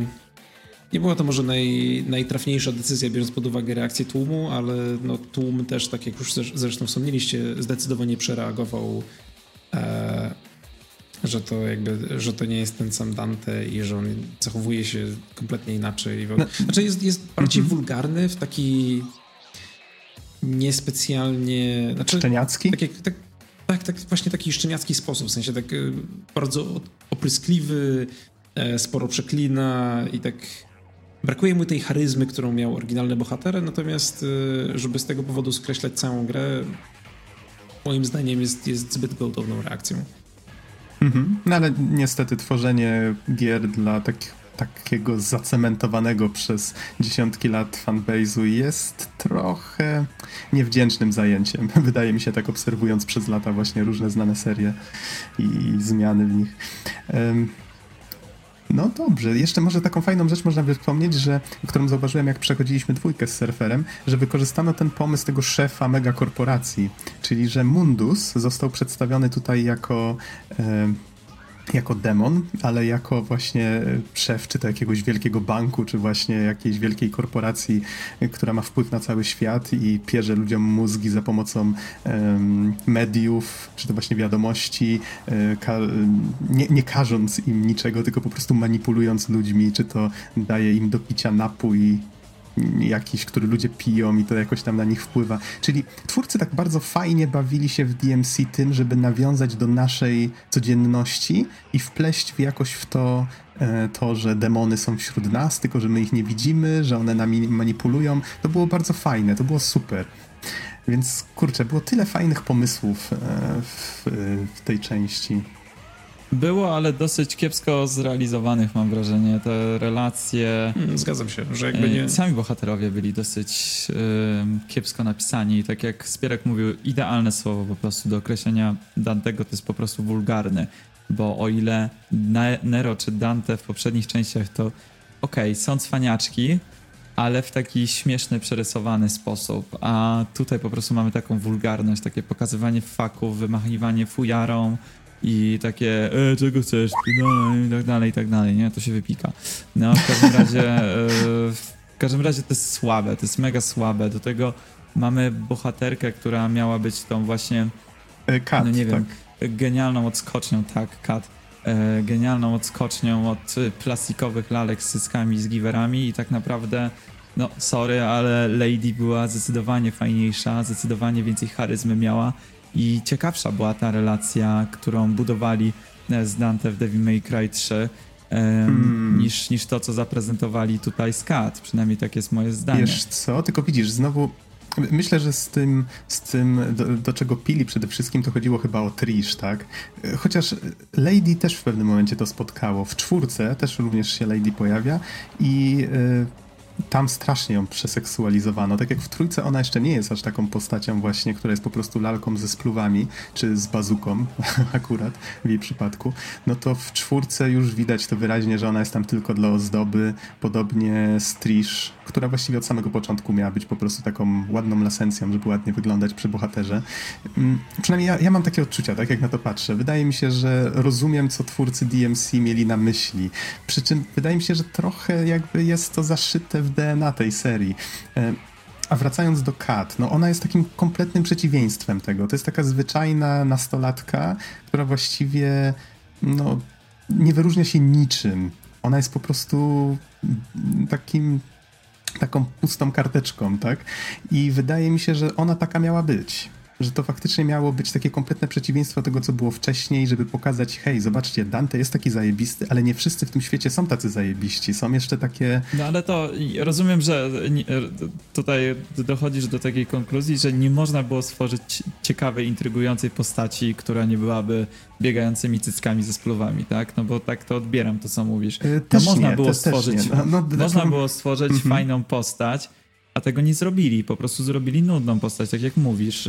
Polecieli w drugi, w, kolejny, w kompletnie skrajne spektrum, ale to wcale nie wyszło dobrze. Można było to zrobić dużo, dużo lepiej. Tak samo jak sam Dante e, jest cwaniaczkiem, ale w nieodpowiedni sposób. Tak samo Kat jest zwykłą dziewczyną, ale piekielnie nudną, zupełnie w żaden sposób nieinteresującą i Okej, okay, okej, okay. mogę się z tym zgodzić, tak? Na zasadzie, że y, dało się to zrobić lepiej. Po prostu rozumiem, co chcieli osiągnąć, niekoniecznie zrobili to dobrze.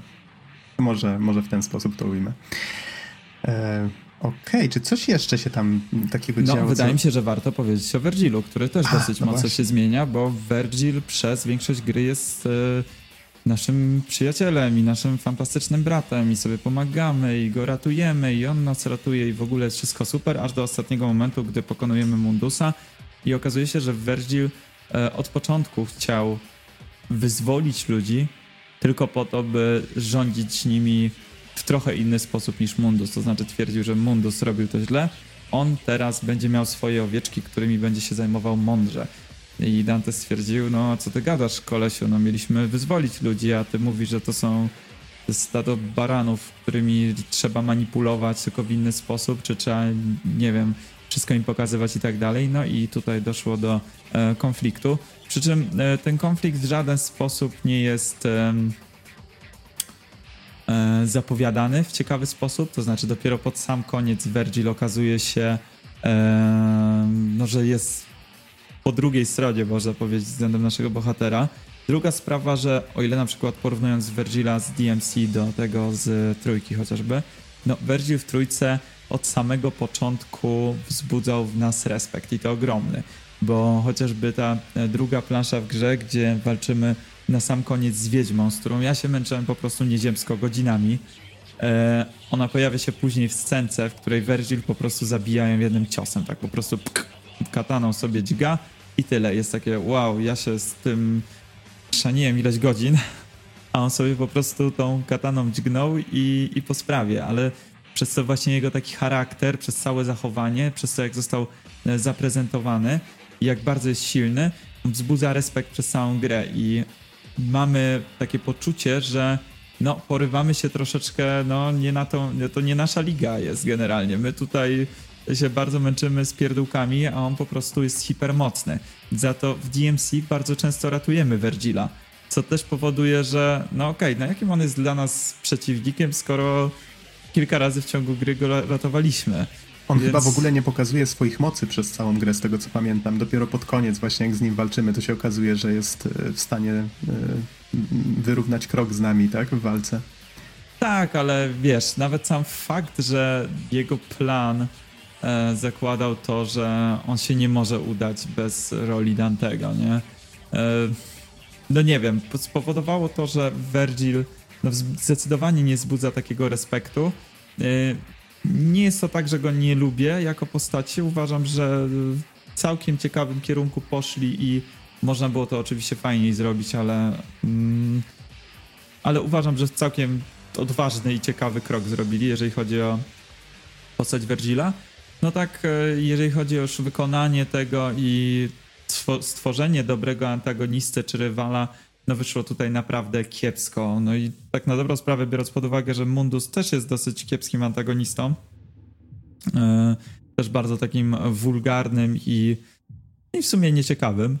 No to, Ale przekonującym trochę... swojej wulgarności, myślę. Tak, mm, tak go tak, wspominam. On, on przynajmniej mam wrażenie, że wzbudzał jakiś respekt, że naprawdę było widać, że jest w jakiś sposób potężny i, yy, i właśnie to, że on był przedstawiany cały czas gdzieś tam na szczycie jakiegoś wieżowca czy coś takiego, no powodowało, że e, no ty jest, że, że, masz odczucie takie, że ty jesteś tym takim robaczkiem, który stara się e, gdzieś tam dostać i po prostu jest to jakieś zadanie niewykonalne, więc jakiś tam respekt on wzbudzał, za to Virgil zupełnie nie i, i mam wrażenie, że ta cała końcówka wyszła wreszcie tak dziwnie i nieciekawie i no i zdecydowanie w mniej interesujący mm -hmm. sposób niż było to zaprezentowane wcześniej. To no. powiem ci, że ja wspominam ją inaczej, bo niestety DMC bardzo słabo zdążyłem sobie przypomnieć, przez co być może dzisiaj bym trochę inaczej na to reagował, ale e, mnie się ta końcówka podobała, zdążyłem sobie przypomnieć za to dialog przed tą końcową walką i tak jak właśnie mówiłeś wcześniej, że postacie są nieciekawie napisane, no tutaj ciężko mi stwierdzić bez przypomnienia sobie całej gry, ale Powiem ci, że ta rozmowa przed ostatnią walką według mnie jest bardzo dobrze napisana. W sensie pokazuje właśnie relacje między tymi postaciami, te, te, to co zamierzają i, i dlaczego. Ale mm, Wydaje mi się, że po części to, co mówisz, wynika z tego, że patrzymy cały czas przez szkiełko tego, czym te postacie były wcześniej. To znaczy, mamy pewne oczekiwania co do nich, bo wydaje mi się, że jednak ta wizja tych postaci, którą przedstawiło Ninja Theory, ona też jest ciekawa. Tak jak mówisz, że Virgil też jest ciekawą postacią, ale nie tak ciekawą jak poprzednio, tak? Więc może o to się właśnie to wszystko rozbija. Zresztą jedną rzecz może warto dodać, że stworzono też DLC które pokazuje jakby to, co stało się po finale mm, z Virgilem. Możemy nim pokierować i prześledzić jakby taki e, proces myślowy na skraju śmierci, jak on właśnie walczy sam ze sobą i robi jakby, przechodzi jakby na tą ciemną stronę, że już utwardza się w przekonaniu, co chce zrobić i w jaki sposób. Było to dość ciekawe, dość symboliczne, ale No właśnie, to, to też zależy właśnie czego się oczekuje po, po tej serii, po tych postaciach. Bardzo możliwe, że jak ktoś zagra w DMC nie znając poprzednich części, to spodoba mu się ono dużo bardziej yy, właśnie przez to, że, że nie ma jakby tego spojrzenia na te postacie już jakoś tam uwarunkowanego. Dobrze, to słuchajcie, czy jeszcze chcemy coś dodać a propos To ja, tak, ja zdecydowanie chciałbym poruszyć Aha. bardziej temat gameplayu, bo wydaje mi się, że tak popłynęliśmy obok niego, a, a jest e, bardzo interesującą częścią Mhm. tej gry jest też to nie tylko co zrobiono z fabułą, kompletnie rebootując grę, ale też o tym, To jeszcze, jak przepraszam, że przerwę, gra. ale to jest trochę zabawne, że część, która teoretycznie właśnie jest tak krytykowana, wzbudziła w nas aż tyle różnych przemyśleń, że chyba dyskutowaliśmy o niej dłużej niż o jakiejkolwiek innej. No proszę, kontynuuj. No, w każdym razie, bo jest to dalej slasher, niewątpliwie. Widać tam część tego samego DNA, które szło przez pozostałe części serii, natomiast e, to, co moim zdaniem ekipa Ninja Fury zrobiła z grą zarówno pod kątem e, walki, która jest wiadomo bardzo istotną częścią tej gry, ale też e, w ogóle całej, całej reszty rozgrywki, czyli elementów platformowych i, i stylistyki tej gry, moim zdaniem zasługuje na sporą pochwałę. E, wiadomo, że staraj, zacznę w ogóle, w, ogóle może od walki, że co prawda starzy wyjadacze serii narzekali na zmiany wprowadzone w systemie combo, który jest taką integralną częścią rozgrywki, e, gdzie e, im lepiej sobie radzimy w walce, tym gra coraz lepiej nas ocenia, zaczynając od D poprzez C, B, A i S, SS oraz SSS, czyli najwyższą rangę, jaką gra może nam dać. E, tutaj w, w, w tej części e, jakby system oceniania został w pewnym sensie uproszczony, albo może nie, nie jest aż tak. E, nie masz takiego niuansu, co w poprzednich częściach, i bardzo łatwo jest pewnymi kombusami wbić te wyższe rangi. Natomiast samo to, jak działa walka, e, nie wszystko w tym mi się podoba, bo jedną sporą zmianą jest na przykład to, że zrezygnowano ze stylów. Zamiast tego Dante może się przełączać pomiędzy e, tak zwanym, nazwijmy to trybem anielskim, gdzie, gdzie ma ataki niebieskie i trybem diabelskim, gdzie ma ataki czerwone i są przeciwnicy, którzy reagują tylko na jeden tryb, są przeciwnicy, którzy reagują tylko na drugi tryb, są przeciwnicy, którzy się przełączają. Mamy też bronie podpięte pod te tryby, więc jeżeli na przykład chcemy skorzystać z konkretnego arsenału, musimy się zmieniać w locie, ale możemy to robić bardzo łatwo, e, używając e, dedykowanych przycisków. E, natomiast e, jakby pomijając ten fakt, że właśnie mamy tych przeciwników, którzy niektórzy nie reagują na te tryby i to jest umiarkowanie frustrujące, to sam... Mm, To znaczy to zmienili już w edycji specjalnej. A, nie, nie, to ja grałem w tylko tą w- w- release, Właśnie e, tak, tak, jak, tak jak ci mówiłem, e, tak jak mówiłem na początku, że było wiele poprawek, które spowodowały, że gra się w to lepiej i właśnie ten e, styl jest nabijany tak jak w poprzednich częściach, to po pierwsze.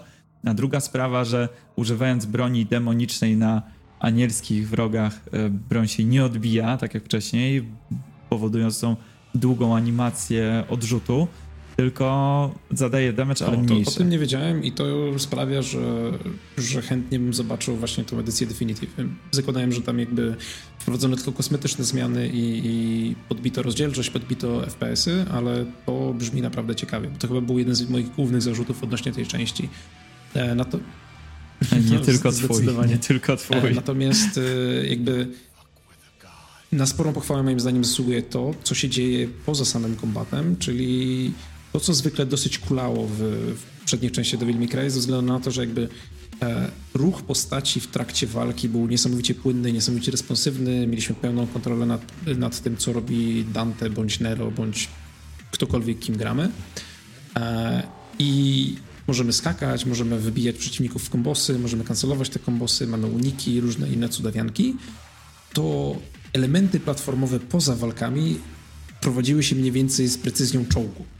I wydaje mi się, że tutaj to jakby DNA tego, że seria wyszła z e, czwartego rezydenta, czy pierwotnie miała być czwartym rezydentem, ale została pociągnięta w innym kierunku, e, jakby nie upuściła tej, tej, tej serii przez następne cztery części, bo zawsze jakby bieganie i skakanie postacią było po prostu niesamowicie sztywne. To nie, nie było w tym żadnej gracji, e, skoki były niesamowicie krótkie, ale wysokie, ale ciężko się nimi sterowało i sztywne kąty kamery zupełnie w tym nie pomagały, to w DMC e, steruje się zdecydowanie lżej, wygodniej, E, Mamy jakieś tam zagadki platformowe, typu przyciąganie się do konkretnych obiektów. I e, to, co się super fajnie z tym łączy, to jest to, że cały świat jest bardzo responsywny. Mianowicie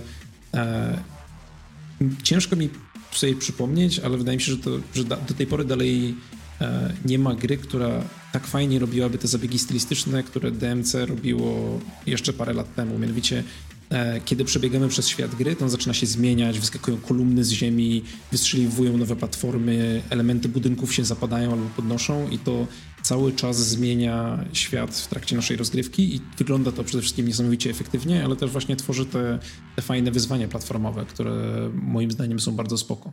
I to wszystko jest podkreślane przez ten właśnie taki bardzo brutalny, taki bardzo jakby żywy art style, e, mocno przesaturowany, który w połączeniu z soundtrackiem stworzonym przez zespół Noisia łączy się w taką bardzo, bardzo koherentną całość. Więc tak jak fabuła moim zdaniem była trochę za bardzo przesadzona, za bardzo wulgarna, tak e, doznanie wizualno-dźwiękowe jak najbardziej na plus. Mhm. To znaczy ja trochę problem mam z tym e, designem i tu chodzi mi bardziej o stronę artystyczną, dlatego że e, wiele miejsc mi się bardzo podoba, na przykład miasto chyba z trzeciej czy czwartej misji, w której swoją drogą jest mural, który był w Łodzi.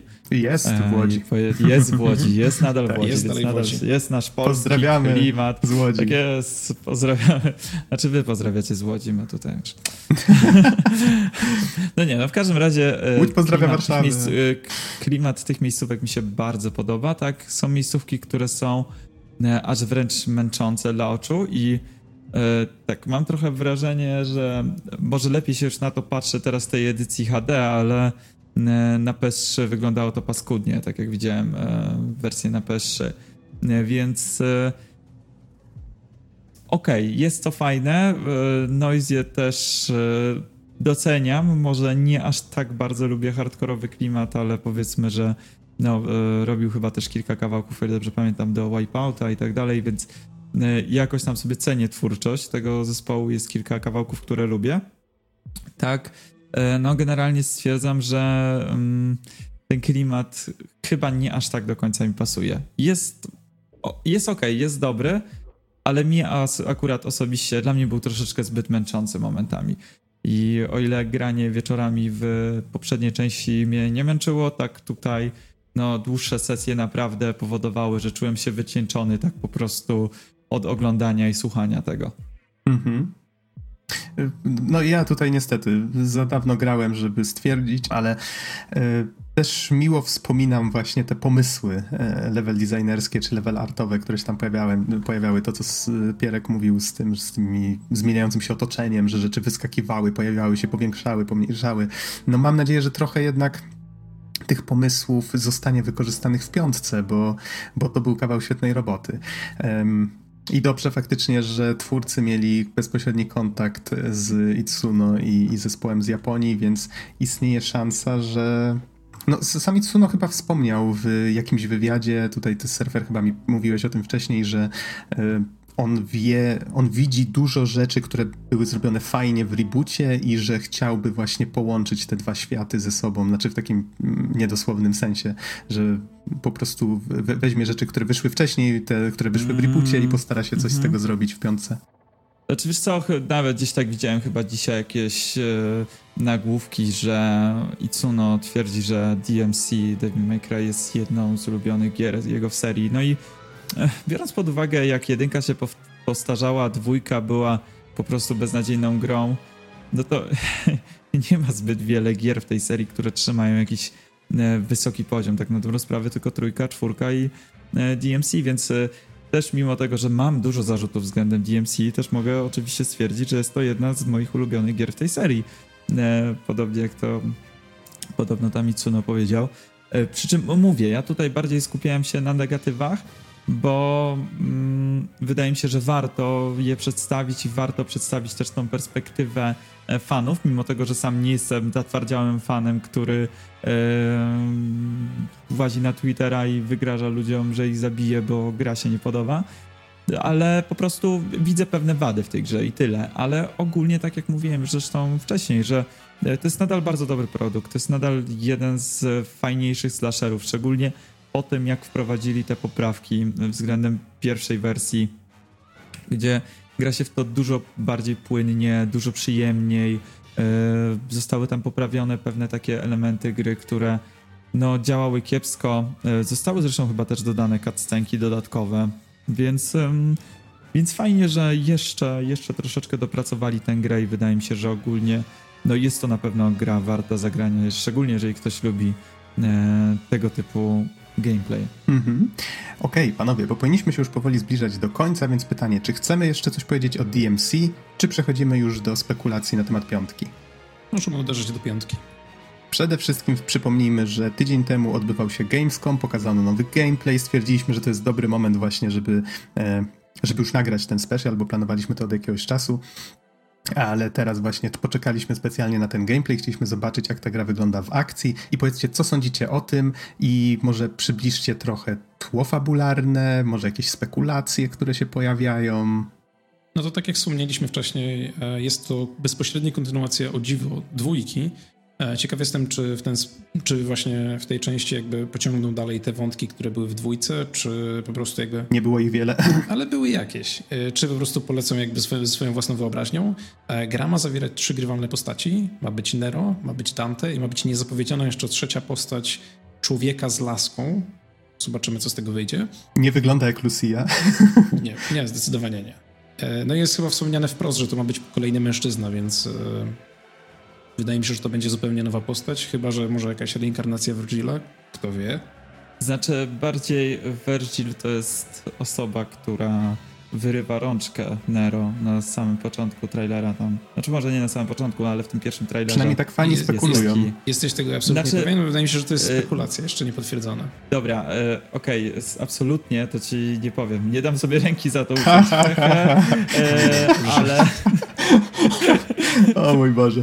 Wybaczcie. Już kilka razy powtarzałeś ale... to przez odcinek i tak się zastanawiałem, czy ty to robisz specjalnie, żeby zacząć mówić o piątce w pewnym momencie od tego dowcipu.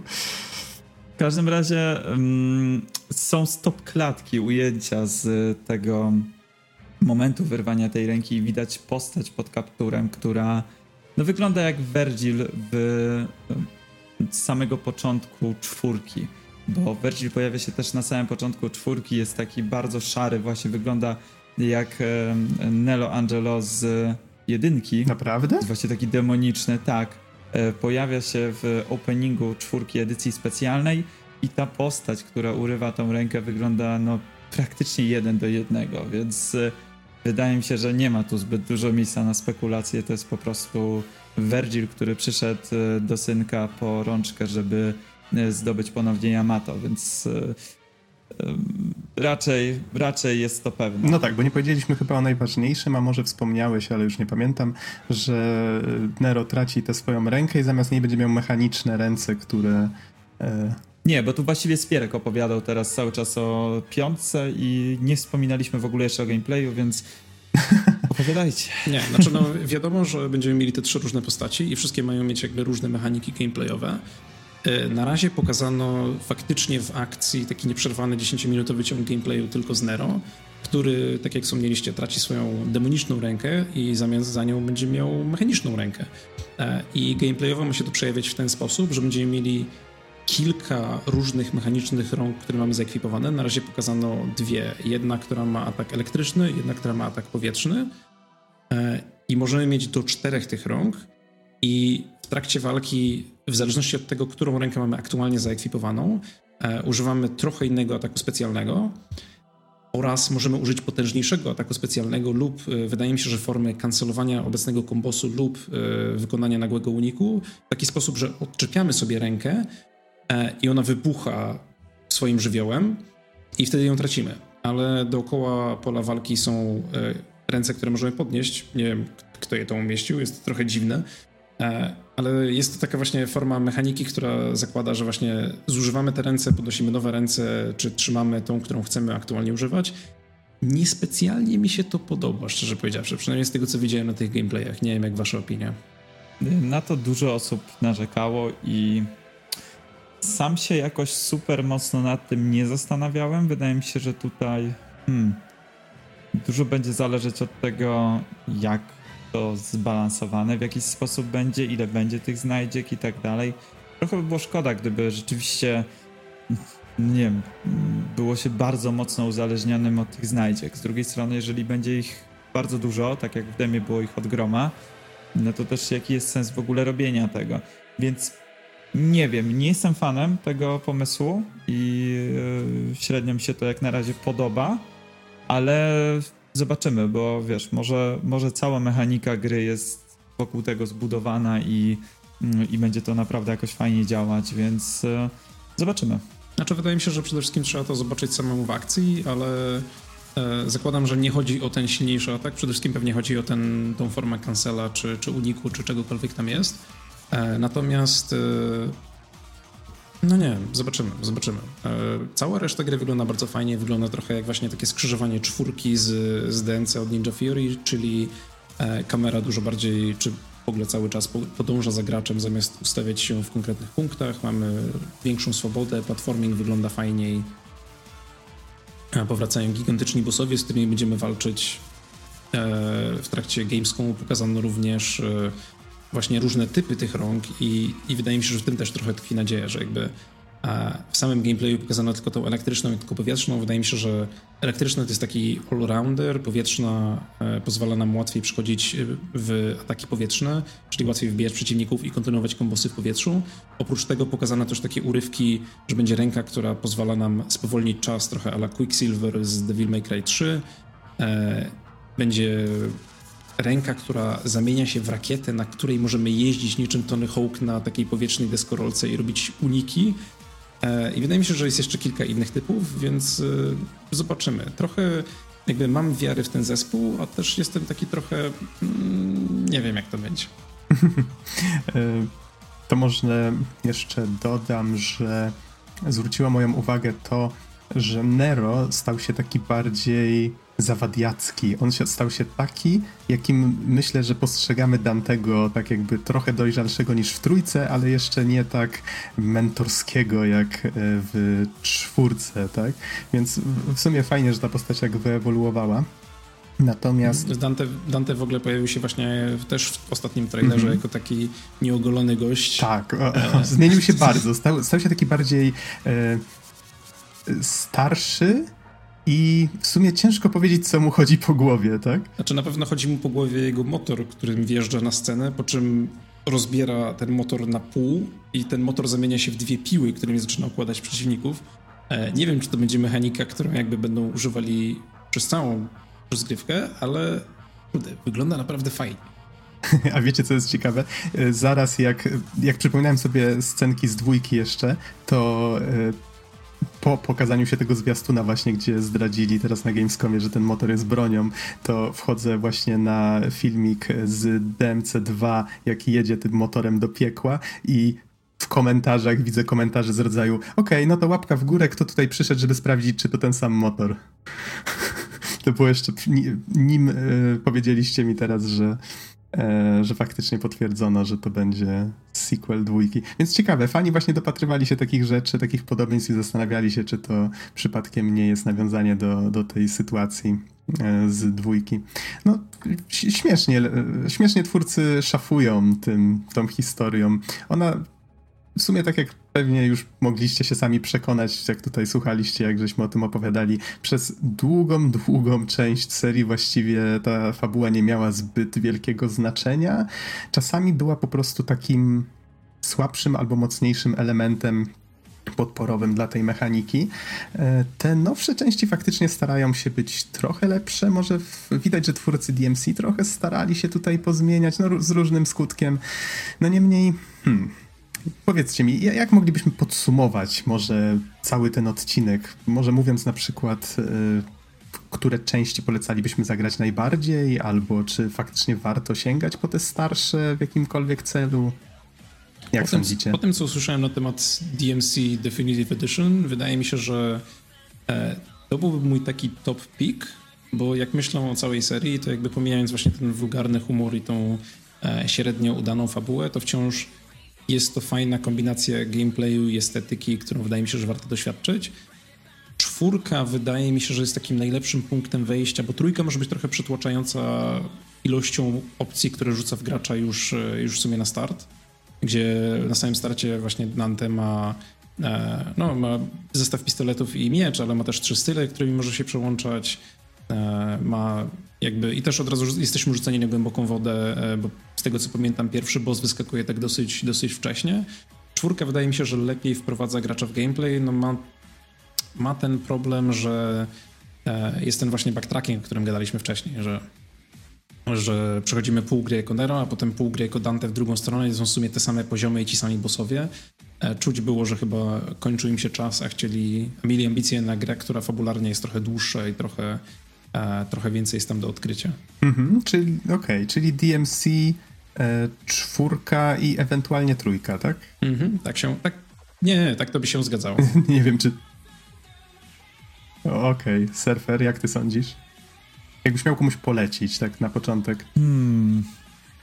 To znaczy, DMC Devil May Cry wydaje mi się, że jest najbardziej taki mm, najświeższy ogólnie. To jest oczywiste w sumie, bo jest najnowszą grą z serii.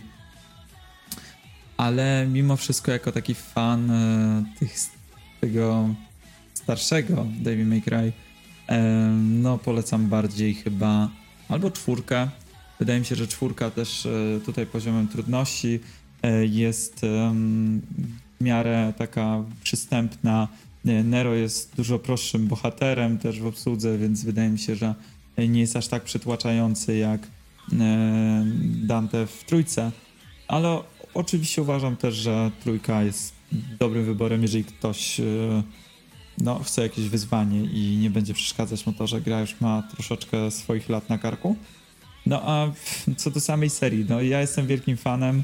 E, bardzo lubię tego typu wymagające e, produkcje, gdzie, gdzie właśnie można się zmierzyć z grą i mi się osobiście bardzo dobrze przechodziło.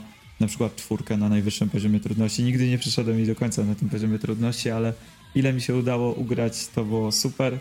E, osobiście dla mnie gameplay też jest no zupełnie inny niż, znaczy zupełnie, no jest, jest troszeczkę inny niż w Bajonecie ale osobiście mi bardziej podpasował, więc warto sięgnąć. Wydaje mi się, że 3-4 albo Devil May Cry DMC, niezależnie od tego w jakiej kolejności, a później um, można ewentualnie sięgnąć pojedynkę. No a dwójka to hmm, chyba już tylko tak, e, tak jak ja pomyślałem, że skoro już mam wszystko inne skończone, to, to wypadałoby i tą dwójkę, ale, ale nie był to najlepiej spędzony czas. Mhm. No to wydaje mi się, że od siebie zbyt wiele nie dodam. Może tylko tak z perspektywy właśnie tego całego maratonu, który sobie urządziliśmy, wydaje mi się, że faktycznie trójka zaskoczyła mnie tym, że ona nadal się trzyma aż tak dobrze, a przy okazji jedynka, zas- no bo to, że dwójka jest słaba, to słyszałem już z wielu źródeł, ale nie, nie spodziewałem się, że aż tak bardzo. Yy, za to zdziwiła mnie jedynka, bo myślałem, że jednak coś, co zapoczątkowało tak znaną serię, będzie jednak lepsze, że będzie ciekawsze fabularnie, tak? I się okazało, że ta fabuła tam zupełnie jest tak na odwal się zrobiona. E, I to właściwie tyle. Wydaje mi się, że ta, tak jak wy wspomnieliście, trójka, jeżeli chcecie mieć taki oldschoolowy, ale bardzo dobry Devil May Cry experience, bardzo trudny, ale fabularnie fajny, właśnie z tym takim John Woo style cutscenes, e, to jest, to jest ekstra. Czwórka, no nie wiem, ja, mnie osobiście rozczarowała. A DMC podobało mi się właśnie za to, że twórcy starali się wziąć stary materiał, zrobić z niego coś lepszego. Na to, że nie do końca wyszło, to już co in, inna kwestia. Rozmawialiśmy o tym już wystarczająco długo, ale podobało mi się wiele aspektów tego, co zrobili. No i czekam na piątkę, więc panowie, czy chcemy coś jeszcze dodać, czy kończymy Chyba, na tym? No. Chyba już, już wyczerpaliśmy temat. tak, dziękujemy Wam bardzo za uwagę i do usłyszenia w następnym odcinku. Trzymajcie się. Cześć. Do usłyszenia.